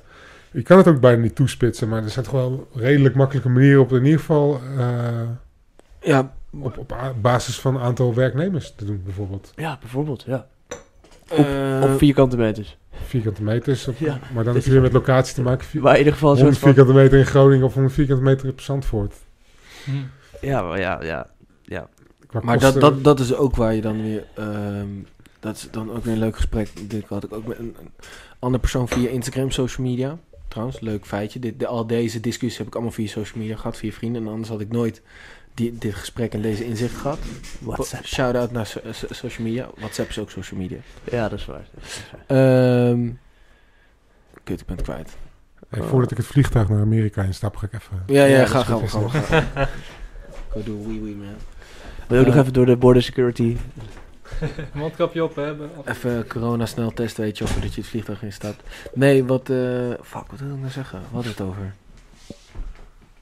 We hadden het over... eh, over vierkante Oh, meters. ja, ja, ja, nee, dat dus beleid moet veel meer, in plaats van één hoofdpunt in Nederland, moet het soort van veel lokaler in gemeentes moet het geregeld worden. En de gemeentes meer ruimte geven Heeft om inderdaad... toch ook eh, van de week. Dat Twente zei van jongens, wij willen echt een totale lockdown nu. Want Ja, het gaat zo slecht had dat gedaan. Ja. Badmen. Badmen? Badmen was gewoon al in lockdown gegaan, die gemeente. dat dorp was gewoon in lockdown Ja. gaan. Ah. Nee, maar dat, dat is toch wat je wil? Je wil toch dat het lokaal wordt geregeld, zodat ze inderdaad... Want als je alles over één kamp gaat scheren, ja, wat hij zegt, 100 meter in Groningen is anders dan 100 meter in Zandvoort. Ja, precies. Ja, maar dat is... Ja, Ja, maar al bijna alles. Heb je ooit een gemeente echt, een goed, goed, echt iets goed zien doen? Nee, Nou, maar, dat, sorry, sorry, maar dat sorry. komt. Ja, ja, ja dat komt. Hebben we het nog over gehad. Social media van Amsterdam is echt on point. Nee, maar social media dat is wat anders. Weet je wel, sorry, maar nee, ja. maar dat, eh, ja, dit is leuk, man. Heel Dit negatief, man. Heel negatief vind ik dit. Dit is Ja, echt... dat dit is is één, één peoples die ze daar Nee, neergezet hebben nee, die het nee, goed nee, doen. nee, nee, maar bro, Sommige dingen kun je lokaal beter toespitsen. Maar daar zijn de middelen niet voor en dus de, de kunde en de Ja. ruimte wordt er niet voor gegeven. Dat is ook weer te danken Ja. aan de VVD. Ja. Want die, heeft- die hebben overheidstaken gedelegeerd aan gemeentes. Ja. Dus die hebben meer budgetten gekregen, maar ook een groter takenpakket van dingen waar ze helemaal geen ervaring mee hebben. Bijvoorbeeld dingen als een uitkering en zo. Dat, dat regel je bij je eh, gemeente. eh, speciale zorg. Speciale zorg als je gehandicapt bent of zo bijvoorbeeld. Maar Dan ook- krijg jij ook- zelf geld en dan moet jij je eigen zorg gaan inkopen via de gemeente. Terwijl vroeger werd dat gewoon landelijk voor jou geregeld. Ging het via het landelijk fonds. Maar daarom nu gemeentes die dus ze hebben... hebben eigenlijk meer, meer dingen te doen gekregen, En- maar ook heel veel dingen waar ze helemaal geen benul van hebben, waardoor Ja. ze eigenlijk een soort van een heel moeilijk er is pakket heel komen. veel geprivatiseerd en er is Ja. heel veel gekeken hoe kunnen wij winst maken op onze burgers. Ja. Dat. Ja, dat, En de, en de gedachte, een gemeente die, kan veel, die weet veel beter wat haar gemeenschap wil. Ja. Dat is een goede Ja. gedachte. Alleen Maar de dan- uitvoering, ja. die is niet zo goed. Maar jongens, eh, eh, oké, wrap up. Wa- Hier kunnen we heel lang en ver doorgaan. Maar ik vind het sowieso een goede discussie die we hebben gehad. Het is wel een uur en drie kwartier zijn we al bezig. Willen we Amerika inzetten? Ja, sowieso. Ja, up, up, up, up is ready, of niet? Ja, ready? Ik, wat ik zeg, ik heb de afgelopen dagen iets heel anders aan mijn hoofd gehad. Maar weet je, Amerika is wel mijn favoriete eh, land in de wereld om het over te hebben. Ja. En eh Amerikaanse verkiezingen, ja. Anders doen we een split-up van de aflevering, als het moet. Ja. Twee Ja, delen. I don't care, weet je. Ik, eh, het is jullie Nee, podcast. we- nee, nee, nee. nee. Maar Ja, we zetten hem helemaal op. Laten we, laten we in ieder geval nog even... Ik wil het er nog wel even over hebben. Ik moet namelijk een beetje ge- ge- geschoold worden, omdat ik gewoon eigenlijk Amerikaan ben, maar gewoon echt shit niet weet. Ja. Dus, school me, boys. Nou, Let's eh, go.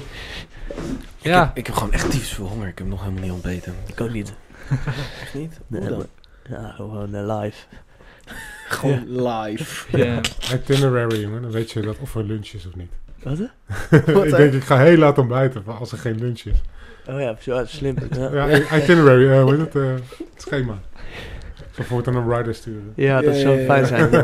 Dan, dan kan ik me daar ook aan vasthouden. Gewoon van, eh, kan ik oh, Ab moet ontbijten. Dan ga ik ook wel ontbijten. Hey, maar Ab, heb jij eh, het eerste verkiezingsdebat gekeken Nee. tussen Biden en Trump? Ja, ik Nee. dus wel. Daar ben ik er speciaal voor opgebleven. Van half drie tot half vijf, vijf uur. moest om vijf uur ging, ging mijn wekker. Voor, Jesus. voor post en hel. Oh. Post en hel, ai. Dus, Ja. eh, nee, ik heb het ook niet teruggekeken nadat ik hoorde Nee. wat, wat, voor, wat voor gevecht dat was. Het Dat was het niet van, ja, waard, man. Het, het was toch, ze, zouden, ze hadden nu een soort van beloofd dat ze de microfoons eh, gingen muten. Ja, het tweede, het tweede Ja. debat is deze week geweest met een mute-knop. Ja. Omdat ze alsmaar over de gebruikt? tijd... Ja, ja, ja. Volgens mij, Dus- dat weet ik niet. dus ik heb niet gekeken. elkaar muten? Of Dit was is- het de, de, de, de, Nee, de- de- de- narrator? de De spreker, zeg de moderator, kreeg een Moderator, mute-knop, ja. zodat Ja. inderdaad die guy... ja, het is toch Ja, kinderachtig? Het is, is, gek voor woorden. Maar zo'n zo'n debat is eigenlijk ook helemaal niet zo interessant. Het is alleen maar interessant voor, voor de peiling of zo. Ja, opinie Maar gewoon. ik ja. vind- wat ik het meest interessant vind in Amerikaanse politiek is gewoon hoe het in elkaar zit. En, en Ja. ja, het is crazy. Ja, het is... Het is eh, Het is zo- het is zo'n mooi systeem op zich. Ik, ik ben echt een fan van de Amerikaanse grondwet. Het is de, een van de meest moderne, moderne grondwetten die geschreven is. En eh, eigenlijk alleen maar gebaseerd op, we willen geen feodaal systeem meer. Dus fuck koningen en fuck koninginnen. Ja. Weet je wel, the people, we the people. Daar begint het mee, we the Ja. people.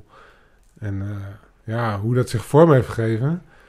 Volgens mij, als je het, als je het bijschaaft, is het wat goed. dingen weghakt, en wat Ja, dingen ja. toevoegt, heb je echt een, Regulering een, eh, een, toevoegd, ja. een supergoed systeem. Het is revolutionair, maar het is nu alweer verouderd.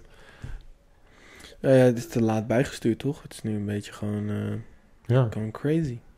Mhm. zoals die popular vote. Ik weet niet, dat, weet je, de meeste stemmen gelden is niet zo in de States. Ja. Wat dan? Nou, je, je kiest kiesmannen. Dat systeem ken je toch? Het kiesmannensysteem. Ja. ja. En ehm, daardoor hebben sommige staten hebben meer kiesmannen. Dus Ja. als je daar stemt, heb je misschien eigenlijk meer, Jouw stem... meer stemrecht, eh, wiskundig gezien. Ja. Dat is, maar dat, in Nederland heb je dat toch ook? Nee, je stemt Je in Nederland direct ja. op, een, eh, op een persoon. Nee, dat weet ik. Maar volgens mij is een stem, een stem, een stem in Amsterdam Nee. is... eh, Nee. Hoe, nee, hoe Nee. zat dat ook weer? Nee, Je dat hebt was, een kiesdrempel. Was, was een kiesdrempel? Je, er, moet een- er moet minimaal 60.000 keer op iemand gestemd zijn... voordat zij überhaupt zeg maar, in de Nee, race komen. Nee, nee, I know. Sorry, maar ik bedoel, eh, de, de, er is toch ook zoiets van een stem in een bepaalde andere... eh, hoe zwaar jouw stem meetelt, is per provincie verschillend. Hoe, Omdat- hoe dan? Dat zou gek zijn, Je toch? hebt land, bij landelijke verkiezingen niet. Ehm, fuck, ik moet het even uitzoeken. Maar waar, hoe zou dit dan werken? Dus dat is Dit een is soort ook van, zo- oh ja, Brabant wonen allemaal mensen die, ja, Maar het is gewoon- interessant. Laten we allemaal interessante mensen uit Amsterdam meer, dat bedoel je? Of wat? Ik, nee, gewoon in principe een beetje aansluiten op het wiskundige deel van... eh, Nee. Dat je in sommige... Nee, dat is het mooie van ons Elke systeem. stem, elke stem is één in Nederland. Ja, ons systeem is juist zo ingericht dat je als kleine partij juist kans maakt om in die Kamer te komen. Daarom heb je Denk met een zetel, dan heb je SGP met drie zetels. Ja. Want als je dat gaat uitvergroten, 150 zetels, en je gaat eens kijken wat bijvoorbeeld de SGP aan zetels heeft, vertaal dat eens naar mensenaantallen. Dat is gigantisch. Best wel, dat is meer dan je zou denken. Dus dan kom je toch nog gewoon bij een paar honderdduizend mensen uit. die Crazy. daarop stemmen. Terwijl het Ja, maar dus drie iedereen zetels heeft zijn. een stem. In de Ja. Verenigde Staten zijn er maar twee partijen. Ja. Er zijn wel meer partijen. De Green Party doet al jaren mee. Ja. Maar, dat is meer bijna symbolisch of zo. Of als, Ja. als proteststem. Het zou bijna zijn als je in Nederland gewoon blanco stemt. Dat kan ook, Ja. hè? Je kan Ja. ook op niks stemmen. Ik Als je dan niet stemt, een, eh, ga dan blanco stemmen inderdaad. Ik heb ooit een keer op een eh, high moment bedacht van... ik ga een partij berichten stop. Een STOB. Stem op blanco. Maar dat klinkt niet zo lekker natuurlijk. Ja, blank, blanco. Blank mag je niet meer zeggen. Weet je, Ja, is wit, wit, wit, zwart. wit, ja, wit, zwart, ja. Dus ik, de, de, de naam is niet goed, maar het was wel mijn idee van... Stel nou dat je, stel dat je gewoon 500 mensen, Ja. 500.000 mensen, een half miljoen mensen kan mobiliseren om op Blanco te stemmen. Zo van, maar fuck hoe dit, hoe dit ingericht is. Weet je wel, je, je kan wel zeggen van ja, als je de politiek wil veranderen, dan moet je stemmen, dan moet je, of je moet de politiek Ja. ingaan. ja. Maar als je echt niet gelooft in dat systeem, als je echt tegen het onderliggende systeem bent, dan heeft het toch ook geen zin om je te joinen in dat systeem. Dan kun je toch alleen maar op een andere manier Nou, je dat moet, dus wel, je moet het dus wel penetreren en dan vanuit het binnen het systeem Ja, aanpassen. daarom- dat is de dan- enige dan optie, moet je dan dus zou je zoiets moeten doen. stem op blanco. Dat, je gewoon, dat er gewoon een aanzienlijke groep mensen is die zegt van er is geen enkele partij die genoeg punten heeft die op mijn wereldbeeld aansluiten. En ik denk dat heel veel mensen zich zo voelen. Ik denk dat de meeste, men, meeste mensen, stemgerechtigde mensen zich zo voelen. Dat het ze echt niet interesseert. Die gaan ook niet stemmen. 100. Een groot, grote groep dus is daar Ja. zeker van. Ja. Ja. En in de States is het anders. Hè? Politiek is daar, is, is daar veel meer onderdeel van het dagelijkse debat onder, onder mensen, denk ik. Dan in Nederland, denk ik. Ja. Nou, we hebben in Nederland ook wel een beetje taboe over dat je dan niet zegt op wie je stemt. Vind ik bijvoorbeeld ook vind ik een beetje zo'n bullshit ding. Van, dan, dan zijn er verkiezingen geweest en dan mag je niet aan iemand vragen of wie die gestemd heeft. Dat is dan een soort van, ja, dat is, dat is zijn dingetje. Ja, dat is- Nee, ah. je mag aan iedereen vragen wat ze stemmen, Ja, maar je hebt het recht om je stemgeheim. Dus je hoeft niet te zeggen Weet wat ik, je maar- stemt. Dat maar vind ik zelf wel mooi eigenlijk. Ja. dat dat maar ik vind het ook wel weer een soort van dat ik denk van, nee, maar het is toch ook juist goed, want dan, kan ga je je toch echt in discussie- gesprek komen. ja, Dat- daar ga je- dat- het is een ja. soort van discussie afhouden. Een soort van, ja, ga ik niet tegen jou zeggen, want dan moeten we het daar niet over gaan hebben. Ja, niet zoveel zin in. Dat is het een beetje. Maar dat, je wilt toch wel een soort van juist, Dialoog, juist daar met elkaar je praten Ja. en dan een soort van... Ja, Ik maar daar, daar moet je geen partij aan binden. Dan moet je het gewoon hebben over bijvoorbeeld neem een standpunt, heb het over een standpunt. Wat vind jij Ja. eigenlijk van eh, dit beleid? Ja, maar, Want dan, als je het, maar dat krijg je als je het aan een partij gaat binden. Dan ga je dus meteen, oh, je bent een P van de A stemmer, dus jij zal wel dit denken. ja, maar dat is, Dan ga je dat al is- dat is- vooringenomen het gesprek in. Ja, oké, Werp gewoon een, een, een, een, een vraagstuk op, ga het erover hebben. En vaak kan je dan uit een antwoord kan je al wat linkjes maken van oké, het zal wel in die hoek zitten of in die partij. Ja, maar dan moet je wel echt diep in zitten. Ik, weet, ik vind het wel interessant namelijk om te weten. Ook omdat ik gewoon, ja, ik, ik zelf zit er niet zo diep in. Dus ik haal daar Ja. ook wel, ik kijk ook wel in mijn omgeving van, oké, ja, nou, ik kan wel met hem op één level zitten met denken of, of, of, of praten. Of, Ja. dat, dan, dan voel ik me daar ook beter bij. Dus ik zou dat wel, ja, ik vind dat een beetje zo'n taboe daarop van, waarvoor zou dat niet Zou dat nu in de States ook niet zijn? Omdat Denk je, het wel. vroeger kon je zeggen van ik ben republikein, Ja. daar was je trots op. Maar nu is dus zeg maar de frontrunner van jouw partij is iemand die zich die totaal niks met de republikein heeft. Volgens mij is Trump zijn grootste gedeelte van zijn leven geregistreerd democraat geweest. Ja, 100. En het is gewoon een business choice geweest van Hm. oké, werk ik beter als republikeins of democratische president? Het is een heel interessant ding. Eigenlijk is de hele Amerikaanse verkiezingen is, is, is niets anders dan één grote marketingcampagne. Ja. En ze, en, en ze zeggen en alles om maar, om maar hun, hun groepen aan te spreken. Ze veranderen hun gedrag, weet je. Dat Trump nu in die tweede debat hoor ik dan... Ik heb ze allebei niet gezien. Veel vriendelijker is naar de moderator. Omdat het een vrouw is en dat hij nog in de peiling nog tekort komt bij vrouwelijke kiezers, weet je wel. Dat hij nu opeens haar complimenten geeft hoe goed ze doet. Maar ja, dat is natuurlijk gewoon politiek, toch? Ja, maar, dat, maar het jammere vind ik... En het mooie vind ik, het is eigenlijk tweeledig. Ik, ik, ik neem ook nooit standpunt in. Kijk, ik heb het heel vaak over positieve dingen van Trump. En dan merk ik gewoon meteen wel zo van... Mensen willen het niet eens horen. Er heerst een, een- echt een soort... Zeker soort- hier. soort eh, kooi van Faraday eh, eh, om Trump heen. Dat je, je mag het niet eens over zijn accomplishments praten. Want dan ben je meteen een, een, een rechtse. Activist. of zo. Ja, Weet je, ja, terwijl Ja, ik gewoon nee, maar objectief kijken van wat heeft hij nou Ja. wel goed gedaan. Want ik hoor alleen maar slechte dingen. En, en hij heeft ook goede dingen gedaan. En, maar wat ik, wat ik eh, bedoel te zeggen, eh, waar we het over hadden, is dat Trump bij uitstek degene is die die, die proteststem heeft laten horen. Dus die stem op Blanco, zeg maar. Hij heeft gewoon gezegd van, fuck deze hele swamp.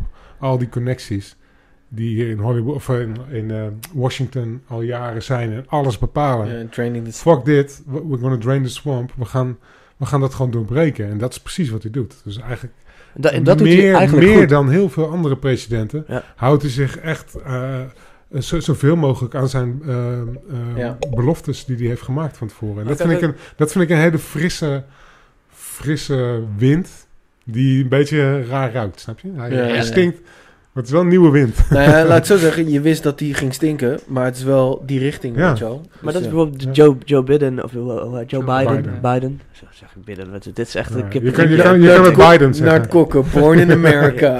Maar- Je kan. Biden zeggen, Biden, alle Biden is goed. Maar het ding is, hij... de- Jeetje. Gaan we het ja, hier... het is een hele slechte woordgrap die ik doorkreeg. Ik vond het wel grappig. ik volgde hem ook niet, maar ik zat ook helemaal in van fuck, zeg ik het weer verkeerd. Dat, is- dat, Oh, die, ja. die is grappig. Ik kan Maar- allebei dus zeggen. Het ding is gewoon dat deze man zit al iets van 45 jaar in de politiek, toch? Biden. Ja, 50 jaar of zo? Ja. Dus hij is, hij, hij is de swamp. De establishment. Daarom. Als je op hem stemt... Dus Ja. ehm, eh, de- hij, hij wil niks veranderen. nee. Nou hij ja, is al 50 jaar ja. daar en hij heeft Hij in had dat 50 al, jaar ja. niks echt veranderd. Dus, Precies, 100. dus, dus tegenover, maar dat is dus het kutte daar, want dan heb je dus hem en Trump. Ja, ja, maar dat, En dan, hij gaat wat gewoon winnen. Wat de fuck Trump gaat winnen. dat Ik- geloof ik Trump ook. gaat winnen. Ik zou er nu geld op durven zetten. Ja, zullen we zullen we een wetje doen? Leuk, dan posten we Ja, maar jij bent het met me eens. Ja, oh ja, ja, ja. ja. Wat denk je? Ja, nee, ik, ja, ik, ik vind het dus heel moeilijk, want ik denk dus ja, die- andere- Ja, zo weet je, 100? Ja. Ja, ja, ja. Allebei 100, Alle- allebei. Trump. Ja, oké, cool. maar die andere guy, ja, die, die, ja die, die zit al zo lang daar. Maar wat heeft hij dan dus, ja, dus waarom moet je Nee. daar 50 jaar daar zitten? Ga je nu in één keer allemaal veranderingen doorbrengen? Ja, dat is toch een soort, dat je, had je al 50 jaar lang moeten doen, pik. Ja, maar het is echt een vieze, vieze, het is een vies mannetje. Je moet, je ga maar even, nee, ja, ja. Maar Trump ook, dat is het lastig, vind ik. Ja, ja. Ik, Is, Ja. is, ja, Trump is, is een, is een Zeker. hele old school... Hij is wel een eh, dirty guy. Macho. Ehm, maar weet je wat is... Wat, wat, wat in de jaren 80 macho was, wordt nu als seksistisch gezien. Weet je, bijvoorbeeld die Grab by the Pussy. Ehm, dat kun je niet meer zeggen tegenwoordig. Dat, is- dat is bijna denigrerend naar vrouwen toe. Maar, maar je moet Bijna wel- denigrerend. Ja, denigrerend. Nee, maar wat ik bedoel is dat, het dat er een hele lange periode geweest, tot niet zo lang geleden, wat ik nog heb meegemaakt, dat het letterlijk gewoon, dat is lo- locker room talk. Locker room top, exactly, ja. Ik heb het ook gezegd, dat soort dingen, eh, tegen eh, homies onder elkaar. Je zegt dat soort dingen, maar ondertussen ben je super respectvol naar vrouwen en zul je nooit een vrouw iets, of Nee, niet, eens, niet eens nee, minder vinden Maar dat het, nee, oké, maar ik denk dat het daar fout, of de- de- bij jou misschien niet, maar ik denk dat er heel veel, kijk, het, het is goed toch dat we dingen die we normaal altijd deden, nu ineens kritisch worden bekeken en worden gewoon uitgesproken. Dat absoluut. is denk van, hé, hey, jongens, we zijn nu in 2020, laten dat soort uitspraken niet meer laten, laten het zitten. En ik denk juist locker room talk is wel ehm, wat men, hoe men doet als niemand kijkt. Wat ik mee bedoel te zeggen is dat locker room talk is altijd veilig met de boys, ha ha ha ha. Je kan alles zeggen. Maar als je dan normaliseert dat je zegt crap bij de pussy, volgende keer als hij dronken in de kroeg staat, dan, pakt hij die chick wel bij de billen. Dat, dat bedoel ik te zeggen. Ik denk locker room, locker room talk kan wel eh, voor sommige mensen, voor veel mensen denk ik meer dan je denkt, toch in een bepaald soort actie eh, vertalen. Misschien. Of zouden die mensen dat niet sowieso al doen? Ondanks die... eh, Nee, want als je dan een soort van die afkeur hebt van je vrienden, dan ga je dat minder snel doen. juist, ja. Dat is, het, dat is, een goed, dat is een, eh, zeker. Daar moet je wel... Hey, point. bro, oh, ik, heb, ik heb op rugby gezeten, weet je wel. Dat, de Ja. lockroom talk Ik vind het goed hoor, dat dat niet meer kan. Maar er zijn wel... Er zijn wel voor, je moet wel oppassen dat je er niet... ehm Ja, dat... censuur pleegt. Als je bijvoorbeeld kijkt naar roasting in stand-up comedy. Dat is mijn favorite, weet je wel. Eh, rap battles heb je tegenwoordig. Oh, rap battles en, en roasten. Je, je hebt wel eens een roast gezien? van Ja, iemand? tuurlijk. Ja, ja, sowieso. Dat gaat ver. Als je vooral in die kleine clubs, als je kijkt naar Ja? improv. eh, Andrew Schultz, ik weet niet of iemand Ja, die ja, kent. ja, zeker. Ja. Far out Ja. my favorite crowdworker. Hij is nu even, hij is nu even offline, hè? Ja, op Instagram Ja, op wel. Instagram is hij even offline. Ja. Nee, maar gewoon even gestopt met... Hij deed toch die weekly talks? Ja, ja. Die, eh daar dat is hij mee gestopt. Maar, Maar als je die gast hoort, hij, hij doet niets, niets anders dan op basis van racistische stereotype beelden, seksistische stereotype beelden, mensen in het publiek roosten. En, en, en de hele zaal gaat plat van het lachen, weet je wel. Dus die man die brengt alleen maar goeds. Als je ziet wat voor persoon hij is buiten de stage, is een heel sociaal persoon die nooit, weet je wel, maar Ja, oké, ja, ja. waar kan dat nog maar je wel? mag, je mag, Mag ik, het- ik weet ook, het is ook denk ik niet erg als je speelt met stereotypes, weet je wel. Dat, dat is ook, in films gebeurt het als een malle, weet je wel. Ja, op tv gebeurt het als in een malle. Het is op zich niet erg als je ermee mee speelt op een goede manier. Alleen het, wordt, het kan heel snel naar worden. Nou, laat ik Waardoor het zo we nu zeggen. angstig worden om dingen met stereotypes, inderdaad in Ja. grappen of in films of in dingen te verwerken. Dat is een soort van, wat ook niet goed is, want dan is het een soort van weer, dan gaan we een soort van helemaal afstand houden van alles wat maar een beetje gevaarlijk is. Ja, waar, ja, waar, maar een beetje dingen mee kan doorbreken of zo. Maar, Maar als je dan kijkt naar Trump en Biden. Biden is echt een politicus. Die weet gewoon wat hij niet moet zeggen. Die houdt al 50 jaar lang bij van hoe reageert het publiek op wat ik zeg. Trump doet dat niet. Maar je kan niet verwachten van iemand die in de 70 is, die zijn hele leven lang bepaalde ja. manier van praten Ja. heeft, dat hij dan opeens. Dus als je, weet je wat het is? Die- Vanaf dat Trump in beeld is, vanaf wat is het, 2014 of zo, dat hij running for president is, of 2015, zie je een ehm, CNN, een New York Times, Washington Post. Dat zijn toch wel de, de, de, de media eh, kanalen, hele grote, wereldwijd ook. CNN bijvoorbeeld, die, die letterlijk hebben gezegd van we gaan alles eraan doen om deze man uit Ja. die office te krijgen. Dus je hebt niet meer een onafhankelijke media. Ja, maar daar staat ook een Fox News tegenover. Hè? Er staat een Fox News tegenover, absoluut. Maar eh, als je kijkt... als je- kijk, hij kan wel het- zwart gemaakt worden hier, maar wij stemmen niet op hem. Maar Nee. als je naar Amerika... Maar ik bedoel meer, dat zeggen precies wat je zegt. Als je kijkt naar Nederland, Nederland is toch links, veel linkser georiënteerd. Ik denk dat er bijna, Nee. als je kijkt naar een VVD, is veel linkser dan, dan Ja. een- een- deze democratische Amerikaanse partij, zou in Nederlandse begrippen Ja, ja, ja. ja, ja. far-right genoemd Ja. worden. Ja. Dus ze hebben daar een heel ander perspectief. Maar de Nederlandse media kijken toch voornamelijk dan naar die linkse kant. En als je, als je ziet waar ik mee overspoeld ben zes jaar lang... met dat Trump een nutcase is... omdat je elke keer fragmenten ziet van de- 20 seconden Ja. waar hij dingen zegt... dat je denkt van, hoe kan hij dat zeggen? Weet je, Ja. ik keek elke avond naar Stephen Colbert bijvoorbeeld. Die, is, die heeft er gewoon zijn taak van gemaakt... om vanaf 2015 elke avond alleen maar Trump te kleineren... En hem voor gek te zetten. En ik, I, I loved it, I ate it up. Maar toen die lockdown kwam, was die show ook afgelopen. Ging Stephen Colbert in zijn woonkamer doen en werd het een soort van saai. Toen ben ik ook eens gewoon andere dingen gaan kijken. En dan kom je erachter dat als je meer van Trump ziet, dat heel veel van die rare dingen die hij heeft gezegd, dat hij ook gewoon een soort van, het is zijn vorm van humor. Serieus, hij is, hij is gewoon, als je mensen om hem heen hoort, echt mensen die vrienden, die mensen die met hem hebben gewerkt, als je die in interviews ziet, zeggen allemaal hetzelfde. Het is een hele joviale kerel die gewoon, ehm, die eh, heel grappig is, weet je wel. Hij heeft een, gevoel van humor. En die begrijpt blijkbaar mensen niet, mensen niet, omdat ze zo biased zijn over van... Hij, is, hij zegt de raarste dingen. Het beste voorbeeld vind ik van dat hij had over... misschien moeten we bleach Ja. injecteren. Ja, ja. Ik Ja. zie dat nu als, oh ja, dus hij maakt gewoon een, steek naar de media. Van, ik, ik zeg maar gewoon wat grappigs, weet je wel. En, en het lijkt ook wel alsof hij dat heeft gemerkt en dat hij er zijn ding van heeft gemaakt. Van als ik gewoon dingen zeg die nergens op slaan, krijg ik wel weer die aandacht. En dat werkt. De Ja. media blijven het doen. Oh, hij heeft weer wat raars gezegd. Daar zijn koning in. Ja, maar ondertussen doet hij wel bepaalde dingen. Dat ik denk van, ja, dat is wel beleid waar ik, waar ik het wel mee eens ben. En wat ik andere presidenten nog niet heb zien doen. Noem een voorbeeld. Ja. Ik heb heel veel voorbeelden opgeschreven. Ja, want ik, je, je, je vroeg, noem eens een Ja, onderwerp ja, ja. hierover. Ja, ja, sowieso. Ik ben benieuwd, man. Er zijn een aantal dingen waar ik Om heel eerlijk te zijn, toen, toen Trump eh, net president was, toen had ik eigenlijk wel eh, uitgesproken... Hij wordt binnen nu in drie maanden doodgeschoten. dacht, dacht ik ook. Ik vind het nog steeds verbazingwekkend dat dat, hij niet gepopt is. Openlijk een aanslag op hem is gepleegd. Maar zal die dan een soort van... Ik een beetje in die idee van, ja, hij is niet... Maar hij heeft hij is- veel aanhang in Amerika, hè? Ja, Nee, zeker. maar Echt, Ja, maar echt. En die dat- zijn allemaal bewapend. Maar dat, ja, ja, maar hij is echt helemaal... Wij, wij, maar dat wij- is- dat is het probleem. Wij zitten echt in een wereldje van dat wij denken dat Trump ook daar gek gevonden wordt. Maar nee, nee, nee, nee. In in Nee, Amerika, echt, echt, echt veel mensen, ze zijn gewoon voor die guy. En ze gaan ook de straat op voor hem. Gewoon om, om Ja. ze hun, hun, Die aanhang laat zich ook horen, weet je. Het is niet stiekem... Nee, Trump, het is- dat kan zo eigenlijk voelt het een beetje voor ons. Alsof, alsof een soort van, hij een zo. soort van gelukspresident is. Ja. die het Ja. nu lang volhoudt met een soort van allemaal mensen die in kleine kamertjes eh, voor hem zijn. Maar het is echt, echt massive groot hoeveel mensen voor hem zijn. Ik denk, eh, Bart, dat het reëler is om bij de volgende verkiezingen te zeggen dat hij dan binnen drie maanden doodgeschoten kan worden. Of dat er iets misgaat binnen Amerika.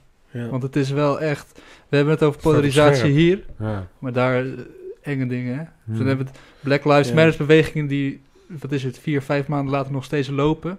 Waarbij je republikeinse burgermilities hebt om die demonstranten letterlijk aan te vallen. Omdat ze zoiets hebben van ga schotverdomme naar huis, jullie zitten onze stad kapot te maken. Ja. Terwijl zij tegelijkertijd ook met geweld reageren. Je hebt een president, Trump, nota bene, die in een debat retoriek gebruikt richting zijn democratische kandidaat. I don't trust the voting, uh, the voting process. Everyone who supports me, grab your guns, go to the voting polls and check for yourselves. Dat is echt heel gevaarlijk, hè? Dat is gewoon letterlijk- Heeft hij dat gezegd? Hij heeft tegen Biden gezegd als ik geloof, dat hij niet vertrouwt hoe die stemmen worden geteld. En hij heeft mensen eigenlijk opgeroepen om zelf te gaan kijken hoe de mensen... eh, Terwijl... Maar dat is wel, dat is eigenlijk wel, als je het vanuit een Amerikaans perspectief bekijkt, is dat wel gewoon defend your uh, uh, uh, rights. Ja, maar dat het Second Amendment, Amendment de, de, Ja, de, de right to uh, bear arms, is da precies daarvoor uh, bedacht. dat, Ja, de overheid of wat dan ook. nee, maar voor zelfverdediging, nooit- voor zelfverdediging. Maar niet om mensen op te roepen om bij votingbureaus te gaan staan. Om Nee, te maar dit gaat, om het, dit gaat om het democratisch proces. En de, de, de, de Second Amendment, de, de, de Ja, maar gun zo- law, ja, is, is, is precies daarvoor ingericht. Zodat Ja. een, een, een, nooit een overheid de macht over het volk kan Ja, grijpen, maar- z- ja, zonder meer. ja. En als, als, weet je, dit is een vorm daarvan. Ik, zou, ik, laat alleen ik maar zien wat een Amerikaanse Maar ik point of zie het... kan Ik zijn. Oké, je guns heb je om inderdaad iets af te dwingen. zo zien En zij het ook eerlijke verkiezingen moeten Ja, maar dit zijn bijna Wit-Rusland praktijken. Maar hij zegt gewoon van ja, als, als ik stel je voor dat hij zou verliezen, dan zou hij Precies. eigenlijk gewoon zeggen van dit, dit kan helemaal niet. Nee, jullie liegen, Nee, jullie maar hij, verkeerd hij, verteld. hij geeft hem voor op het moment dat het dan gebeurt. Want dan, dan, gaat, het- dan gaat het lijp. Dat is inderdaad. Want dan, Ja. hij heeft een soort van. eh, de message al een beetje van. Ja, als ik ga verliezen. dan is het sowieso niet mijn schuld. Dan is het. Is niet onze schuld, het, is- het komt door hun. Het komt door hun. Weet je? Dus je Ja. bent al bezig Ja. met, met het moment dat wat gaat komen dat hij misschien gaat verliezen. Ja, dan gaat shit going ham. Want gaat hij gewoon vrijwillig uit het Witte Huis stappen, weet je wel? Gaat hij... Gaat... waarschijnlijk gaat hij niet verliezen. Nee, ik, denk, ik denk wel dat hij vrijwillig weggaat. Want Ja, dat zou, wat, ja. zou- wat, wat Ah, dan? schrijft hij een boek en dan gaat hij hem chillen of zo. Maar hij is Ja. sowieso nog, vergis je niet, hè, hij is pas drie, als hij verliest, is hij tot 3 januari 2021 gewoon nog president. En weet je wat hij nog kan doen in de laatste drie maanden? Of wat Ja. er nog kan gebeuren. Ja, Wat er nog kan gebeuren. dat ook. Want er gebeurt al Ja. echt veel daar nu. Ja. Het is daar wel. Inderdaad een beetje En- burgeroorlogstijl af en toe. Ja, Hmm. bijna, bijna. Portland, Seattle, dat Ja, zijn echt dat zijn Maar, eh, maar jij civil noemt Black wars. Lives Matter. Is het niet juist meer Antifa die... Nou, Antifa, Wat ja, is Antifa? Antifa is niks, hè, jongens. Nee, het is natuurlijk, het is begonnen met een, een Wat- tag of zo op een muur, Ja. maar... Wat is dat? Of, Het is juist antifascisme, toch? Ja. ja. Dus juist het, het ja. Maar is het niks, of, want er zijn wel mensen die zich zeg maar ehm, Antifa noemen. Ja, maar er, er is geen organisatie. Het is niet een organisatie. Er zit, het is geen orgaan, er zit niks achter. Nee, Ja, nee maar- Het precies. is gewoon een hashtag die gebruikt wordt. ja, ja, ja. Black Lives Matter is wel, een organisatie. Maar dat is wel een goede kanttekening van jou. Het gaat inderdaad om Antifa, het gaat niet om Black Lives Matter nu. Ehm, maar ja, je hebt dus wel, je- gewoon die hele sociale besef toen is wel ontstaan vanuit die Black Lives Matter beweging, Ja. heel goed. Maar je hebt dus bepaalde plekken, Seattle en Portland, Ja. in het eh, specifieke, ehm, waar dus inderdaad ook antifascisten, linksradicalen zich hebben aangesloten bij die solidair met die bewegingen. Maar waarbij dus heel veel mensen, bijvoorbeeld Proud Boys, All Gas No Breaks, kennen jullie dat? Ja. Ik heb ervan gehoord. Dat is een mooie... Bedoel je de Proud Boys, de, de, de, de gays? Of probeer je de, Nee, nee, nee, dat is dus gewoon echt een, een soort burgermilitie. Ja. Die gewoon zelf de guns in handen hebben genomen Ja, ja. en gewoon zeggen van ja, we don't trust you, you're an anti-fascist. Als je hun een kritische vraag stelt, dan ben je een antifascist, slaan ze in elkaar, letterlijk. Die lopen gewoon rond op straat. Ja. Soort van nazi... eh, Dat zijn geen nazi's, want dat Nee, is dus dat het gekke. Er zitten ja, ook dat- mensen van kleur en zo, het, is, het zijn hele gemeleerde groepen. Maar het is gewoon meer van ja, nee, jullie, ja, ik weet niet, het is meer republikein-conservatief. Maar dat zijn dingen... Kijk, weet je, we zien dat en we denken van, wat de fuck is dit? Maar wij kunnen dat natuurlijk gewoon niet voorstellen. Nee. Want in Nederland is de kans Het denk is dat er zoveel... De, gewoon, ik vind het zo eng dat iedereen een wapen heeft. Ik zou echt... de angst die je daardoor Wauw, krijgt. Niet normaal. Ja. Dat is toch hef... Oh, was- ik, ik was, oh, eh, Ab, ik zie je kijken. Ja? Zou je willen dat iedereen een wapen heeft? Nee, nee, ik nee, zag je nee. kijken. Ik denk, Absoluut nee, nee. Maar, ik, maar Het is toch een principieel... blessing. Blessing dat we het niet hebben. Maar principieel gewoon eh, vanuit... eh, ik vind vrijheid een van de belangrijkste Ja. dingen die we hebben. En ehm, als je kijkt naar hoe Nederland is ingericht... daar ligt het monopolie op, op geweld... ligt bij een, alleen maar Ja. bij een overheid. Maar ook, En bro, eh, ga je... right nee, to bear arms bro, ook. Kijk, luister. Ga jij nu... Kijk, dat vind, ik vind dat, dat de- waarom de, amen- de, eh, Second Amendment echt achterhaald is fuck is. En dat het gewoon... Dat je ziet waar ik van mening ben... Is dat het de... eh, de hoe heet de gun eh, organisatie ook weer? NRA. NRA zit daar gewoon achter en die, die maakt daar gewoon, die melkt het uit omdat ze er heel veel geld op verdienen. Wat ga je doen met je M16 en een soort van eh, halve groep mensen met je buurt? Wat ga je doen? Tegen politie? Wat, kijk hoe, wat, tegen een georganiseerde eh, partij. wat ga je ja. doen? Ga, wat ga je dan doen? Oh nee, we zijn er klaar mee, we schieten iedereen neer. Nou ja, Bro, dat, het is 2020. Zo gaan we niet meer te werk. Daarvoor heb je niet een wapen nodig. Daarvoor heb je, eh, or- moet je een organisatie gaan Ja, beginnen. dat, zeg je wel. Moet je een, ga be- begin, begin een bepaald soort movement. Eh, ga inderdaad ervoor zorgen dat je eh, gaat protesteren. Ga, what, maar ga niet Nee, maar iedereen een wapen zegt, geven en zeggen van... Zo joh, gaat dat niet in 2020, totdat het wel zo gaat. En dan heb je dus de definitie van een burgeroorlog. Zodra er groepen zijn, en er zijn echt wel georganiseerde groepen. Als je kijkt in Texas, zijn er heel veel georganiseerde milities. Ja. dat is en- toch en- eng, bro? Dat, Nou bro, een dit- wapen nee, ik ik- Luister, niet, alleen, milities, niet alleen eng. milities en wapens werken niet de... eh, Destabilis- de, nee, eh, eh, Jezus. ik wat je. De, de, de... Ik ben was even Ja, dat ehm, De-escaleren. Dankjewel. Ja. Nee, is goed. Ja, ja, ja, dat was het. Hij Dat kwam- was het, dat was het. Nee, maar dat, nee, maar dat eh, gewoon de even heel, heel, heel klein. Een wapen werkt nooit de-escalerend, vind ik. Ja. Eh, en dan heb ik het geen eens over een piu-piu wa- of een, een Je hebt al- maar, kijk- maar, kijk naar maar, maar hoezo nooit? Waarom nooit? Stel dat iemand mij, mij met een gun bedreigt. Kan een gun dat wel de-escaleren? Nee, hij- natuurlijk. Iemand dat- heeft macht over je. ja. Maar hij kan alles met je doen. En jij poelt ook een gun en hij is... Nou, wat, hij gaat, er- van, wat gebeurt I'm er? gone. Nee, nee, nee, maar hij heeft een gun vast. Dan gaat hij denken, hij Nee, nee, dus, je nee, gaat naar je pocket, ik pop je neer en je ligt dood. kan. nou, dat is niet, dit, is wel, dit is wel een interessante vraag. Van, ga, schiet je met een pistool als je een pistool Ja. hebt? Ja, ja. Kijk, ik zou nooit dit een is gewoon, pistool nee, maar dit zijn cijfers. Dit zijn gewoon cijfers. Nee, dat nee, is ik, ik, lang- ik, ben, ik hou ook niet van de hele wapenwet hoor. Maar het is wel interessant van, oké, is dat dan Ja, dus de ja, extra ja, ja. angst die erbij Ja. komt? Dat je dus denkt, oké, hij heeft een gun, ik heb een gun, ik moet wel schieten, anders schiet hij. ja. Is dat wat er gebeurt? Of is dit juist, of is het juist we hebben allebei een gun en we Yo, terug. keep calm, weet Ja. je wel? Maar het, het- het- ik ben niet zo bang voor dat, dat mensen een gun ownen. Ik ben veel banger voor dat er zoveel guns zijn... dat er dus ook een heel illegaal circuit aan guns is. Gewoon eh, tweedehands wapens en zo. Ja, ja. En het feit dat je gewoon zonder wat, wat dan ook eh, test, cognitieve test of, eh, of psychiatrische test, een gun kan aanschaffen. Ja. Dat, de waarom Walmart. kunnen ze dat niet veranderen? Daarom zeg ik, heel veel, die Second Amendment, ik ben er niet over uit. Ik ben niet pro of, of against, want ik ben geen Amerikaan ook, dus het hoeft ook niet. Nee. Maar ik vind het, het, Fuck. het, het idee erachter vind ik heel mooi. Dat Ja, je ja, als ja, ja, true. altijd het volk de macht, macht Ja, ja, kan precies. overnemen als een regering het echt de foute kant op, op Maar gaat. ja, een tijd van social media en... eh Ja. ik is Ja, het wel ja, eng en kun je mensen wel een soort van... eh, Ja, maar ja, er gebeuren... manipuleren. Er, er komen excessen. Maar Ja. dat is ook En wel de, de, de credit die ze moet geven, want ze zijn het allereerste land geweest met de, ja, ik ken niet, met, niet het allereerste met de grondwet, maar wel gewoon volgens de principes van de Franse revolutie. Ja. Hebben Nederland, zij als Nederland eerste, was toch het eerste land met de grondwet? Nee. Nee. Oh, wie? Eh, ik denk dus of Frankrijk, of dan de Verenigde Staten, Met, omdat een, toen- met een grondwet Ja. überhaupt? Ik, wow, dit is echt... Nee, nee, nee, want dit je nee, nee, nee, niet, met de grondwet, maar ehm, Ik ga het Ja, ik, vind- ik zit het ook Met, ja, want volgens mij was het Frankrijk. Volgens mij onder Napoleon, maar dat weet ik niet Ja. zeker. Want je had de... Die, die, die was wel de, de absolute ruler, maar die heeft een heel systeem Ja. van, van bureaucratie eh, ehm, Dat? established. Wat tegelijkertijd zorgt ervoor dat ook de macht veel meer kwam te liggen bij, eh, Ja, bij andere lokale overheden. Ja. Volgens mij is dat het. En, en ik, en Ik weet het echt het is niet. in ieder geval inderdaad, het hele Ja. Amerikaanse grondwet is gebaseerd op, op het Fra- een, een Frans Ja. model. ja, Franse revolutie. Broederschap, gelijkheid, vrijheid. Ja. Die drie waarden. Sowieso is alles gebaseerd in Amerika op iets wat ze zelf niet bedacht hebben, toch? Dat is ook wel een beetje Ja, Amerikaans. ja, ja. Wat ook ergens hard is, Ja. ergens ook ingewikkeld.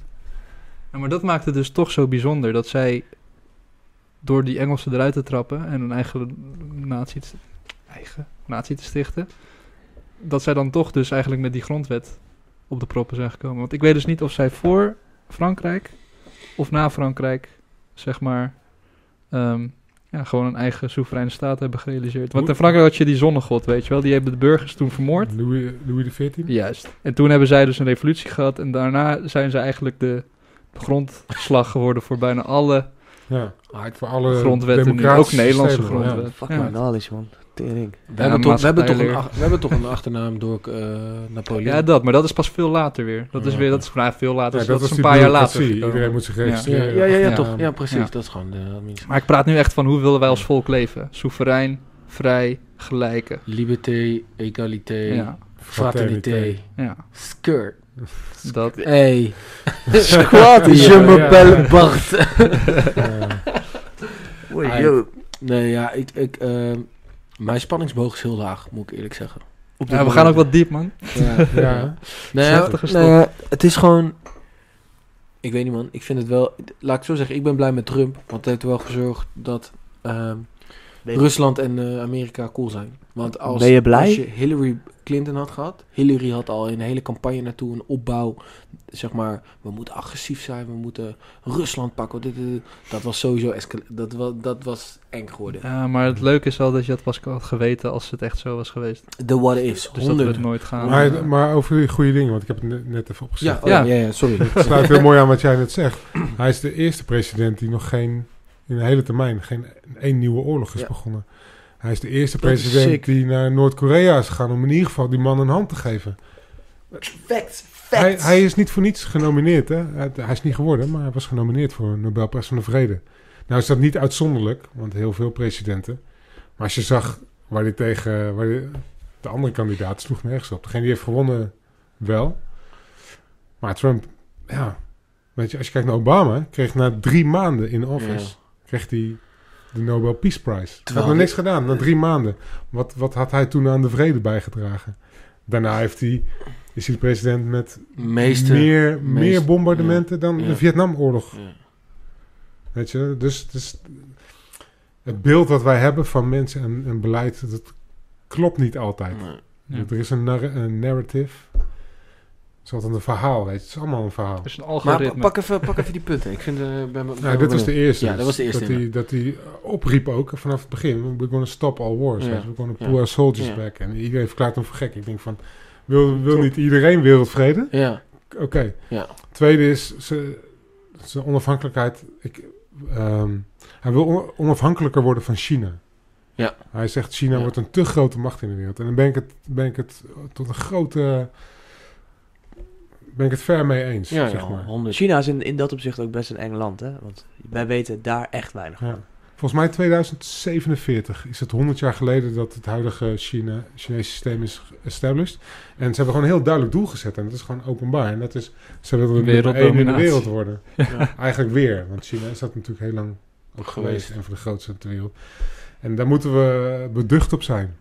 Ik zeg Ja, niet goed. dat je de Chinezen niet moet vertrouwen. Maar Een balans is systeem je belangrijk. niet- Een balans is denk ik ik belangrijk. denk dat je geen enkel systeem klakkeloos moet vertrouwen. En, en ook, eh, dit is wel grappig, want ik had uh, gisteren met mijn broer over. En die zit in een hele andere branche. eh, maar ehm, het is inderdaad voor veel producenten of voor whatever product, fysiek product, is het wel echt, wordt het steeds aantrekkelijker om de productie weer terug te halen naar Europa. Puur omdat gewoon China Weet je, er gaat gewoon een moment komen China, je dat, dat zegt ze... het zelfs als het. China. Sorry, sorry, ja, ja, China. China, Ja, sorry, inderdaad, je hebt gelijk. China. Ik had het door. Corona in China. Corona is from China. I take full responsibility, China, China, but it was China. China's... China, eh, dat heeft toch gezegd? I take full resp- responsibility, but it was eh, China who fucked up with the virus. Mooi. Ja. tegenovergestelde Ja, dingen zeggen in één zin. Geniaal. Nee, Full maar eh, dat juist inderdaad, eh, vooral met die hele... eh, ik ben op, jongen, beleidoorlog. Dus, of hoe noemen handelsoorlog, weet je wel. Ja. Dus dat, dat, dat, dat ze gezeik hebben en dat, dat landen, China inderdaad, bepaald soort dingen extra zwaar belast, et cetera, et cetera. Is het een onzekere factor om daar te produceren? En dat je dan vooral gaat kijken van, oké, hoe kunnen we zorgen dat we toch productie weer naar Europa trekken? Omdat je dan, omdat China bijna te veel macht heeft in dat opzicht. en dan ben je wel afhankelijk van, ja, je volledige, ja, weet je wel. Deze hele halve kamer is bijna Chinees gewoon. Ja, shout-out naar AliExpress, weet je wel. Sowieso, dat is echt de, de halve setup. Is En die hele kast daarvoor ook. Ik heb ja. nog nooit iets besteld bij AliExpress. Nee, ik kan het je ook niet aanraden, maar het was wel echt eh, voor eh, de investering. eh, Oké, maar de next. Ik ben wel Ja. benieuwd naar de volgende. oh ja, Oh, ja. Zodat we op Nou AliExpress ja, wat, wat, Ja, wat hij echt heeft gedaan, weet je, hij is al tegen die Obamacare geweest. Hij heeft wel ervoor gezorgd eh, dat de kosten van medicijnen omlaag zijn gegaan.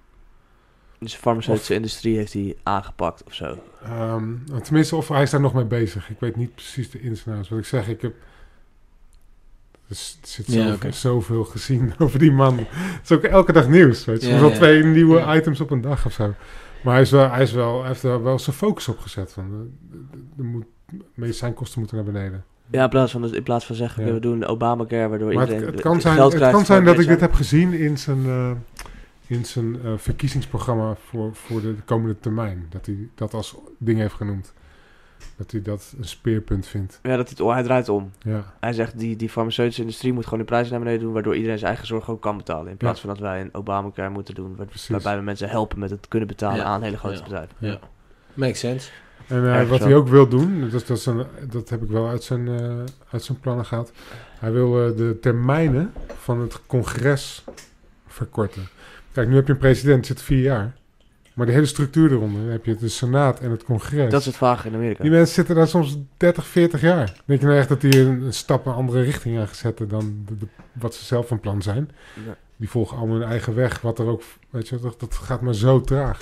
Die mensen zouden ook veel, veel meer werk moeten leveren om te verdienen dat ze aan mogen blijven. Ja, ja. Ja. Nou, logisch. Klinkt heel logisch. Ja. Maar er is te weinig focus. Er is te veel focus op, op een president. Terwijl het lokale Ja. op staatniveau is veel belangrijker. Je kan, je kan een eh, Michigan nooit vergelijken met een Florida. Het zijn twee totaal verschillende landen. Het zijn van verschillende staten. Het is gewoon een, ja, in Europa zouden het toch ook andere landen zijn? Er zijn het andere Ja. landen qua grootte, et cetera. Het enige wat ze gemeen hebben is de taal. eh, de televisienetwerken. Ja. Bepaalde cultuurdingen. Maar, maar als je ziet wat lokale taal is, zeg maar. Slang en zo. En, en gebruiken en tradities. Die zijn zo verschillend. Ja. Ze zijn, het is een mooi experiment. Want de EU is eigenlijk dat ook aan het doen. We zijn ja. 200 jaar later ermee begonnen. 100. Ja. Beetje de, de macht aan het overdragen naar het eh, grote orgaan, inderdaad, overkoepelend. Ja, man. Jongens, we zijn 2 uur en 20 minuten bezig. Godverdomme, man. Ja. ja. Ik, eh, en dan hebben we echt eh, Amerika, eh, verkiezingen hebben we ges- ge- ge- oppervlakte. Getouched. ja. Weet je wel, getouched. Scratch the surface. S- Scratch the surface, weet je wel. We didn't go down the wormhole, weet je wel. Nee. Ik denk wel dat we echt genoeg eh, content hebben voor die lange Franse eh, captions, weet je wel. Vier redenen waarom Donald Trump wel, goed is. Deze man is Ja. eh, extreem rechts. De fuck? Eigenlijk moeten we er gewoon voor zorgen dat we gewoon een soort van eh, de hele tijd aan de verkeerde kant terechtkomen met de podcast, weet je wel. Dat nu hebben we dan Je vier moet, moeten van gewoon alleen maar quotes opknippen die, die echt heel extreem rechts klinken. Ja. Ja, zodat we ja. lekker viral gaan en in het algoritme terechtkomen. Precies. Hé, hey, ja, dat is goed, man. Jump on the, the conspiracy train. Vul dat gat van wat Lange Frans heeft achtergelaten. Dat is jullie taak. Oh my Precies. god. Oh my Opportunities, god. Bart. Opportunities. Jullie zijn hiphoppers. ja, ja, ja, ja, ja. Kansen. Ja, you're ready. Oh nee, ik heb geen lange Frans muziek. Nee, nee, nee.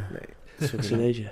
Ja. Eh, maar even eh Ab, we hebben dus nu, eh, vorige aflevering zijn we het vergeten, maar we hebben dus nu eh, een, een nieuw element eh, op Instagram, eh, op ons platform, eh, Hype Solidarity. Mhm. Shout out naar Jesse voor de naam, geniale naam natuurlijk, vind ik. En eh, wat we dan doen is gewoon, eh, we maken eh, gimmicks, of gimmicks, gimmicks, eh, Merchandise. merchandise en dat geven we gratis weg op Story. En ehm, daarnaast geven we het ook weg aan de secret, secret word. Dus dan hebben we zeg maar een... een, een, een jongens, ik ben echt helemaal op. ik heb ook honger. Eh, het magische woord. Gewoon de, key, de keyword. Dat je dat ook comment- oh. je- oh ja, dat moet gewoon, het is een woord moet je commenten als je hoort in de podcast. Maar je moet even een woord uitkiezen wat Ja. ze moeten commenten in de podcast. Wat heb je gezegd? En dan Of als, ga je mensen, nu als iets mensen die checken dus... Ja. En dan vervolgens zeg maar... En dan horen ze dit woord. Dan commenten ze onder gewoon een random post met dat Maar- woord. Krijgen ze merch. Mag ik het woord kiezen? Oh, nou, Jij zou het gast voor doen? mij wel. Oh ja. Maar wat is jullie concept? ja maar wil, je, wil je het woord nu pas zeggen? Want er is één woord wat, wat App heeft gezegd waar ik van vroeg wat het was. Dat was die zonne shit. Oh ja, solar flare. Als je, Dat is, Dat een mooi, comment? dat is een mooi woord. als je Ja, die ja, comment, zo- solar dan ben je wat. Solar heeft, flare. het heeft flare. Ja. Ja. nee, ja, zo, zo, oké, uit. eh, secret word, keyword is solar flare. Comment onder gewoon... what- China. China, comment onder, comment onder, onder de post, boys. ja, ja. Thanks sowieso voor... Nee, nee, jij moet hem afsluiten. Nee, Anyway, mag comment onder de post. Oké, uit. Comment onder de post, dan, eh, dan reageren wij terug. En dan krijg jij merch. Je weet het. Eh Ab, ik wil je heel erg bedanken. Thanks sowieso Ja, weer. man. Altijd goed. Ja, eh, maar ik wil jullie oh ja, ook bedanken, man. Want het, het, het, is, het, het voelt zo goed dat, dat je op mijn leeftijd nog een soort van relevant bent voor een next generation. Dat Nou, mensen uitnodigen om je te horen praten. Weet je, dat voelt. Dat Nee, voelt nee, maar ik, ik- denk dat het een eh, hele gezonde eh, eh, kru- kruisbestuiving is van eh, perspectief, toch? Ja, dit is ook de, dit is de enige manier hoe we niet met z'n allen soort van helemaal mental gaan. Als we dit doen. Ja. Ja, dialoog. Ja, Gewoon praten. Wat iemand ook zegt, je mag ervan vinden wat je wil, Ja. maar blijf gewoon Agree to disagree. open-minded en zeg je eigen mening erover. Praat erover. Ja. Waar. Jessen, thanks bro dat je er was. Eh Nart, thanks dat je er was. Eh, thanks dat je zo aardig was deze ochtend. En dat, eh, ik was heel zagrijnig. Maar eh, chill dat je alles had geprept. Thanks voor de mensen die luisteren eh, of kijken. Thanks voor de support. Stay tuned. More coming. Nog iets anders zeggen? Peace. Nee toch, dat was hem. Peace boys. Peace, love and understanding.